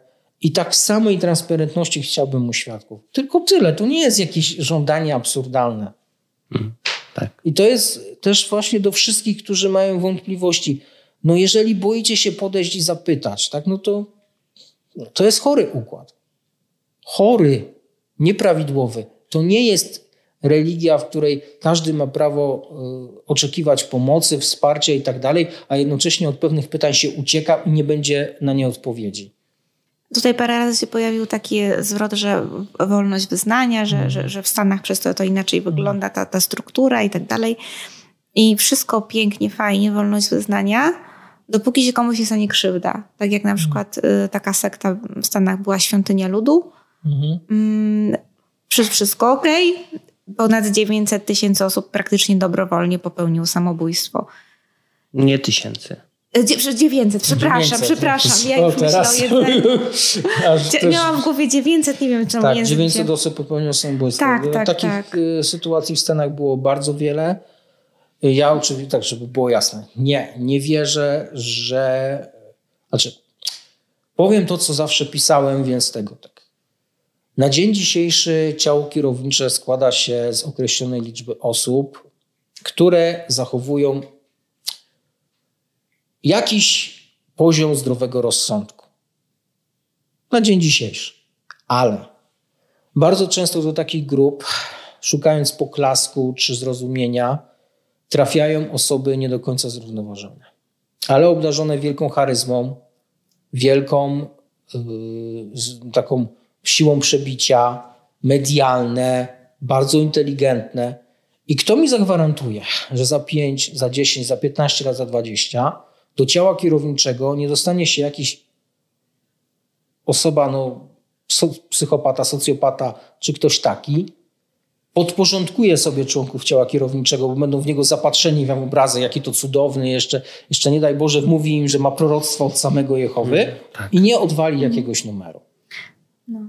To tak spoza już jakby tego całego tematu o statucie, mm, mam pytanie, mm. które często widzowie zadają. Ja, ja na nie nie mam do końca odpowiedzi. Mm. Waham się i uważam, że nie ma tej odpowiedzi. Pytają, czy członkowie ciała kierowniczego, to czy oni są tak na zimno to wszystko wykalkulowali, czy faktycznie wierzą, że są, mm, nie wiem, natchnieni, nie wiem, czy, czy doktryna mówi, że są natchnieni, czy po prostu jakby, no, no pójdą do tego kierowani. nieba, kierowani i tak dalej. Jeżeli odpowiedzieć na to pytanie, to pewnie część z nich jest naprawdę głęboko wierzącymi ludźmi. Yy, natomiast pewne zachowania, na przykład brata, który sobie kupował alkohol, czy, takie, czy tegoż miłego brata, który na, kiedy mówi o pedofilii, to, że tak powiem, aż się ślini. W ogóle o seksie, no, mogą wzbudzać pewien niepokój, tak? I tak samo korzystanie takie nachalne, które zaczyna się pojawiać tego, że są zawsze tak nienagalnie ubrani. Widać, że to nie są garnitury z pierwszego lepszego sklepu, bo to widać. Szyte na miarę być tak, może. szyte dokładnie na miarę i tak dalej. No to wzbudza niepokój, tylko że to raczej wygląda na pójście w kierunku korzystania z dobrodziejstw, mhm. a niż na takim, że kalkulujemy to na zimno i tak dalej, ponieważ no tam już za bardzo do kalkulacji na zimno takich rzeczy potrzebna pewnego rodzaju osobowości. Taką osobowością na pewno był drugi prezes Towarzystwa Strażnica, czyli pan Radeford. Mhm. Zresztą na temat pana Radeforda i prześladowań świadków to też kolejny odcinek można by nagrać, dlaczego były prześladowania jak pan Rutherford z panem Adolfem Hitlerem korespondował i co z tego wynikło jak to się ma do niemieszania do polityki, ale to sobie zostawmy, może będzie jeszcze okazja na trzeci odcinek. Ale ci bardzo ciekawi mogą pogrzebać już niecierpliwi. Oczywiście, niech, tak, niech szukają. Mogą, niech szukają, niech piszą, nie, nie, niech czytają, tak, niech się zdziwią, bo się bardzo można zdziwić. No, ja uważam, że na dzień dzisiejszy raczej jest to pomieszanie takiego tkwienia w systemie, w którym się jest często od urodzenia i no może tak. Porównam to do sytuacji Związku Socjalistycznych Republik Radzieckich. Dopóki byli tam wielcy przywódcy, oczywiście wielcy tacy, że mieli charyzmę, władzę, siłę, a nie wielcy w sensie wielkości człowieka, jak Lenin i Stalin, to to było potężne imperium, niby tam zmierzało do tego komunizmu, którym nigdy się nie stało. W momencie, w którym zabrakło takiego przywódcy, to najpierw y, władza się podzieliła na kilka osób, tak jak się stało u świadków, tak? Powstaje ciało kierownicze, ta władza z jednej osoby przechodzi na kilka, bo nie ma już tej siły przebicia, nie umie sam pokierować i następnie zaczyna się już takie tkwinie w maraźmie. I ono prowadzi do dwóch rzeczy. A. Albo prowadzi do rozpadu, i taka organizacja przestaje istnieć, taki los spotyka większość sekt. Tak? Umiera, umiera przywódca, umierają jego następcy, nie ma już tej siły, to się zaczyna rozłazić i albo się to rozsypuje, albo to grono przychodzi nowych, zaczyna się zastanawiać, a może te nasze doktryny są jednak głupie, może coś jest nie tak, może powinniśmy posłuchać mądrzejszych od siebie, bo jesteśmy, no, brakuje nam tego wykształcenia, tego obicia, nie znamy języków biblijnych, no no tak naprawdę nic nie umiemy, tak? Mhm. I zaczyna się szukanie, i wtedy dochodzi do takiego zjawiska, kiedy sekta staje się normalnym związkiem wyznaniowym, to znaczy odrzuca durne doktryny, odrzuca te takie ostracyzmy i tak dalej, i po prostu przechodzi. Kilka historii takich było, że tak się stało, więc albo się rozsypie, albo się stanie normalną religią, no albo patrz... Albo mówię, przyjdzie jakiś charyzmatyczny Albo, albo przyjdzie jakiś psychopata. No i z powrotem zacznie się to samo. Tak? Świadkowie Jehowy są na takim etapie postsektowym. Sekta się skończyła, nie ma charyzmatycznego lidera, jest taki marazm. Dodatkowo wzmacniany problemem z rokiem 1914 u świadku, który no, cały czas się oddalamy, tak? No ile można mijają. wymyślać, tak? Pokolenie, pokolenie, pokolenia na pokolenie, tak? Jak to mówią. No, no będziemy tak, to, to rozszerzać. W tym momencie to byłby wielki eksodus, gdyby powiedzieli. O Jezu, trochę się pomyliliśmy. A z drugiej strony, wiesz, wiele osób naprawdę tkwi tam już od pokoleń. I to hmm. już, myślę, że dla wielu osób to jest już, tak jak, wiesz, nawet dla mnie w pewnym momencie nie była to kwestia koniecznie jakiejś silnej, znaczy silnej wiary. No oczywiście potem się zafiksowałam, jak mm. zaczęłam dojrzewać i, i, i tak poszłam bardzo w tę stronę, mhm. ale w pewnym momencie też trochę kwestia tożsamości. No, twoi dziadkowie są, twoja, twoi rodzice mhm. są, tak jak, tak jak w innych religiach. No, no tak już jest, tak już jest. Mamy ślub w takim obrządku, a nie takim, to robimy, tego tak. nie robimy. Ludzie zaczynają to traktować jak normalną religię, Zwłaszcza, że pokolenie, które jest 4 lata, znaczy 4 pokolenia mamy już w tej prawdzie, no to już na wiadomość, że to są ostatnie dni, nie ostatnich, to mówią, aha, dziadek słyszał to samo. I już jest ta wiara w te słowa ciała kierowniczego o wiele, o wiele słabsza. Nie ma tej nadgodliwości tych świeżo przyjętych, nie świeżo nawróconych, którzy odnaleźli prawdę. Jest po prostu taki stagnatyzm, takie przy, właśnie ta zmiana w normalny związek wyznaniowy, która się zakuje i oddolnie i odgórnie. Tylko pytanie, co się stanie ze świadkami teraz, tak? I to pytanie hmm. też jest otwarte. Nie wiadomo, co się stanie. A czego byś im życzył? Szczerze? Ja bym życzył, żeby właśnie pewnego dnia ktoś się u nich obudził i stwierdził, że wziął uczciwie. Najlepiej, gdyby jeszcze poprosił, żeby z każdego zboru przybyła delegacja. Chociaż pewnie by się nie zmieściła, ale. No, no 100 tysięcy zborów. No to no, niech choćby z każdego kraju niech wybiorą. Z okręgu, nadzór zawodu każdy. O. Przyjadą, usiądźmy, porozmawiajmy jak ludzie. Konklawę świadków Jehowy. Coś w tym stylu. Znaczy bardziej sobór. Sobór, Okej, okay, okej. Okay. Nie znam się na tym katolickim prawie. Taki sobór. Porozmawiajmy szczerze ze sobą, tak? Y, ile rzeczy wyjdzie, tak? A wyjdą naprawdę... Raymond Franz na przykład w swojej drugiej książce pisał, jak wynikła, jak właśnie ze strony świadków pisali, że chodzenie od domu do domu na przykład nie ma sensu. że nie, wcale się w ten sposób ludzi nie ten. O tym Może też, jakby tak zniechęcali do posiadania dzieci, to by trochę mieli e, większy współczynnik wzrostu. Mhm. Ale- Ale żeby po prostu odrzucić niepotrzebne rzeczy. Dla, powiem tak, odrzucam doktrynę krwi, odrzucam ostracyzm, odrzucam wyższe wykształcenie i właściwie w tym No momencie... jeszcze y, co krzywdzenie dzieci, żeby trochę No, uporządkować. I, I... I wiele osób pewnie będzie sobie No, no- takim świadkiem jestem, bo jestem i No. I zresztą, no zobaczmy, no mamy na przykład badaczy Pisma Świętego, przeze mnie kwalifikowanych do kategorii braci błądzących, bo ja chrześcijana trzy kategorie mam takie. e, braci, braci ten, wi, tak, mam braci, e, chrześci, bracia chrześcijańscy dzielą się na trzy kategorie, tak? Bracia połączeni, czyli katolicy, prawosławni i, kościo i kościoły wschodnie, bracia odłączeni, czyli kościoły protestanckie i bracia błądzący, czyli od adwentystów y, po wszystkie wspólnoty badackie i tak dalej. Przypominam, świadkowie Jehowy nie są dla mnie chrześcijaństwem. I to będę podkreślał. A to, to wyjaśnij może. Może Bo wyjaśnię. W komentarzu ktoś, ktoś się zapyta, Tak. tak przypuszczam. Nie? Znaczy, tak, y, chrześcijaństwo od samego początku opiera się na najprostszej prawdzie, że Jezus Chrystus jest najważniejszą osobą. Dlatego jest chrześcijaństwo. Właściwie chrystianizm, tak powinno się prawidłowo mówić. I tutaj, tutaj o dziwo świadkowie mają rację. Pochwalmy.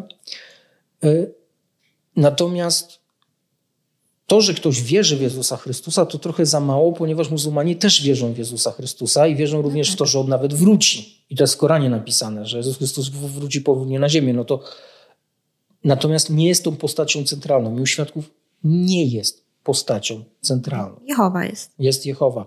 Jest przesunięcie całkowicie akcentu i to przesunięcie nie tylko dotyczy osoby, dotyczy też tak momentu, który należy jak gdyby upamiętniać. Świadkowie upamiętniają śmierć. Tymczasem chrześcijanie upamiętniają zmartwychwstanie, gdyż uważają całkowicie słusznie, że zmartwychwstanie jest najważniejsze. Tak? Widzicie, z całej Biblii jedno zdanie musi być prawdą. I to zdanie brzmi: Jezus Chrystus zmartwychwstał. Jeżeli Jezus Chrystus nie zmartwychwstał, to całe chrześcijaństwo jest do wyrzucenia, bo to jest jedna wielka ściema w tym momencie. Taka jest prawda. I dlatego ten fakt zmartwychwstania jest najważniejszy. Kiedy zaczyna się głoszenie, kiedy wstaje apostoł Piotr i zaczyna głosić, co on mówi? Słuchajcie, mam do was wiadomość, Jezus Chrystus zmartwychwstał. Czy się skrótowo.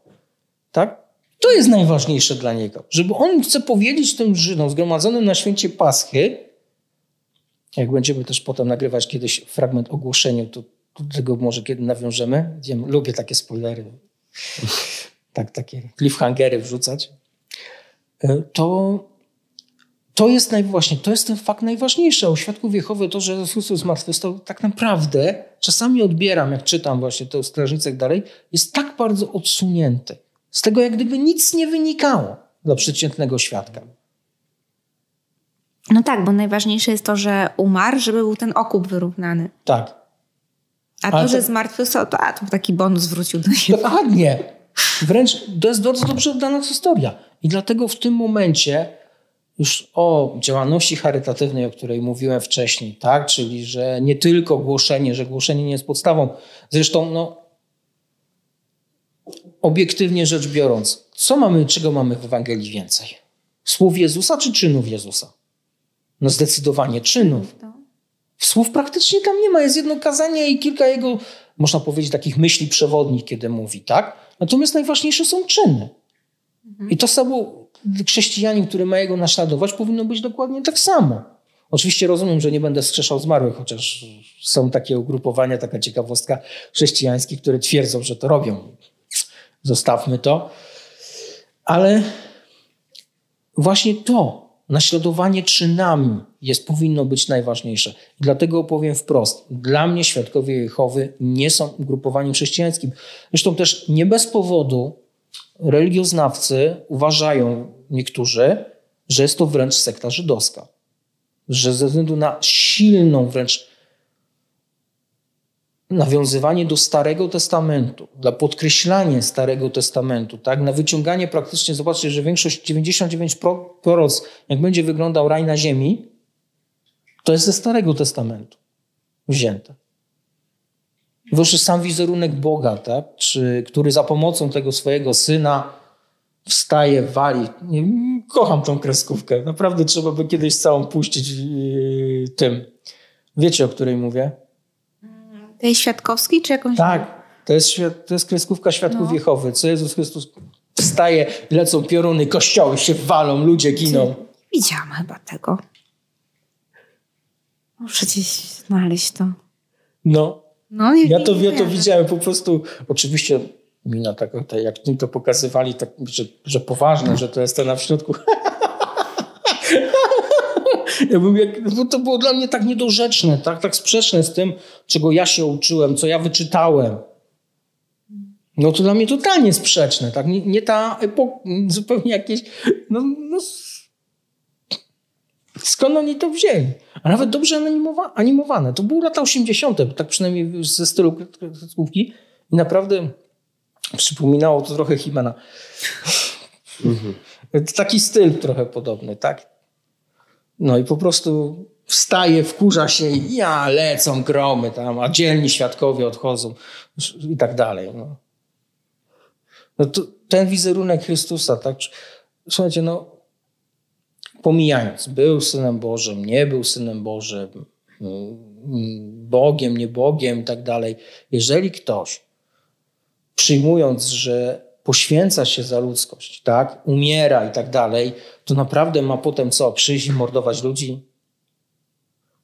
Jest taka wizja polskiego pisarza Jacka Piekary, który opisał taki świat, w którym Jezus Chrystus zszedł z krzyża i wziął miecz i najpierw wyciął cały Sanhedryn, potem Nerona i paru innych.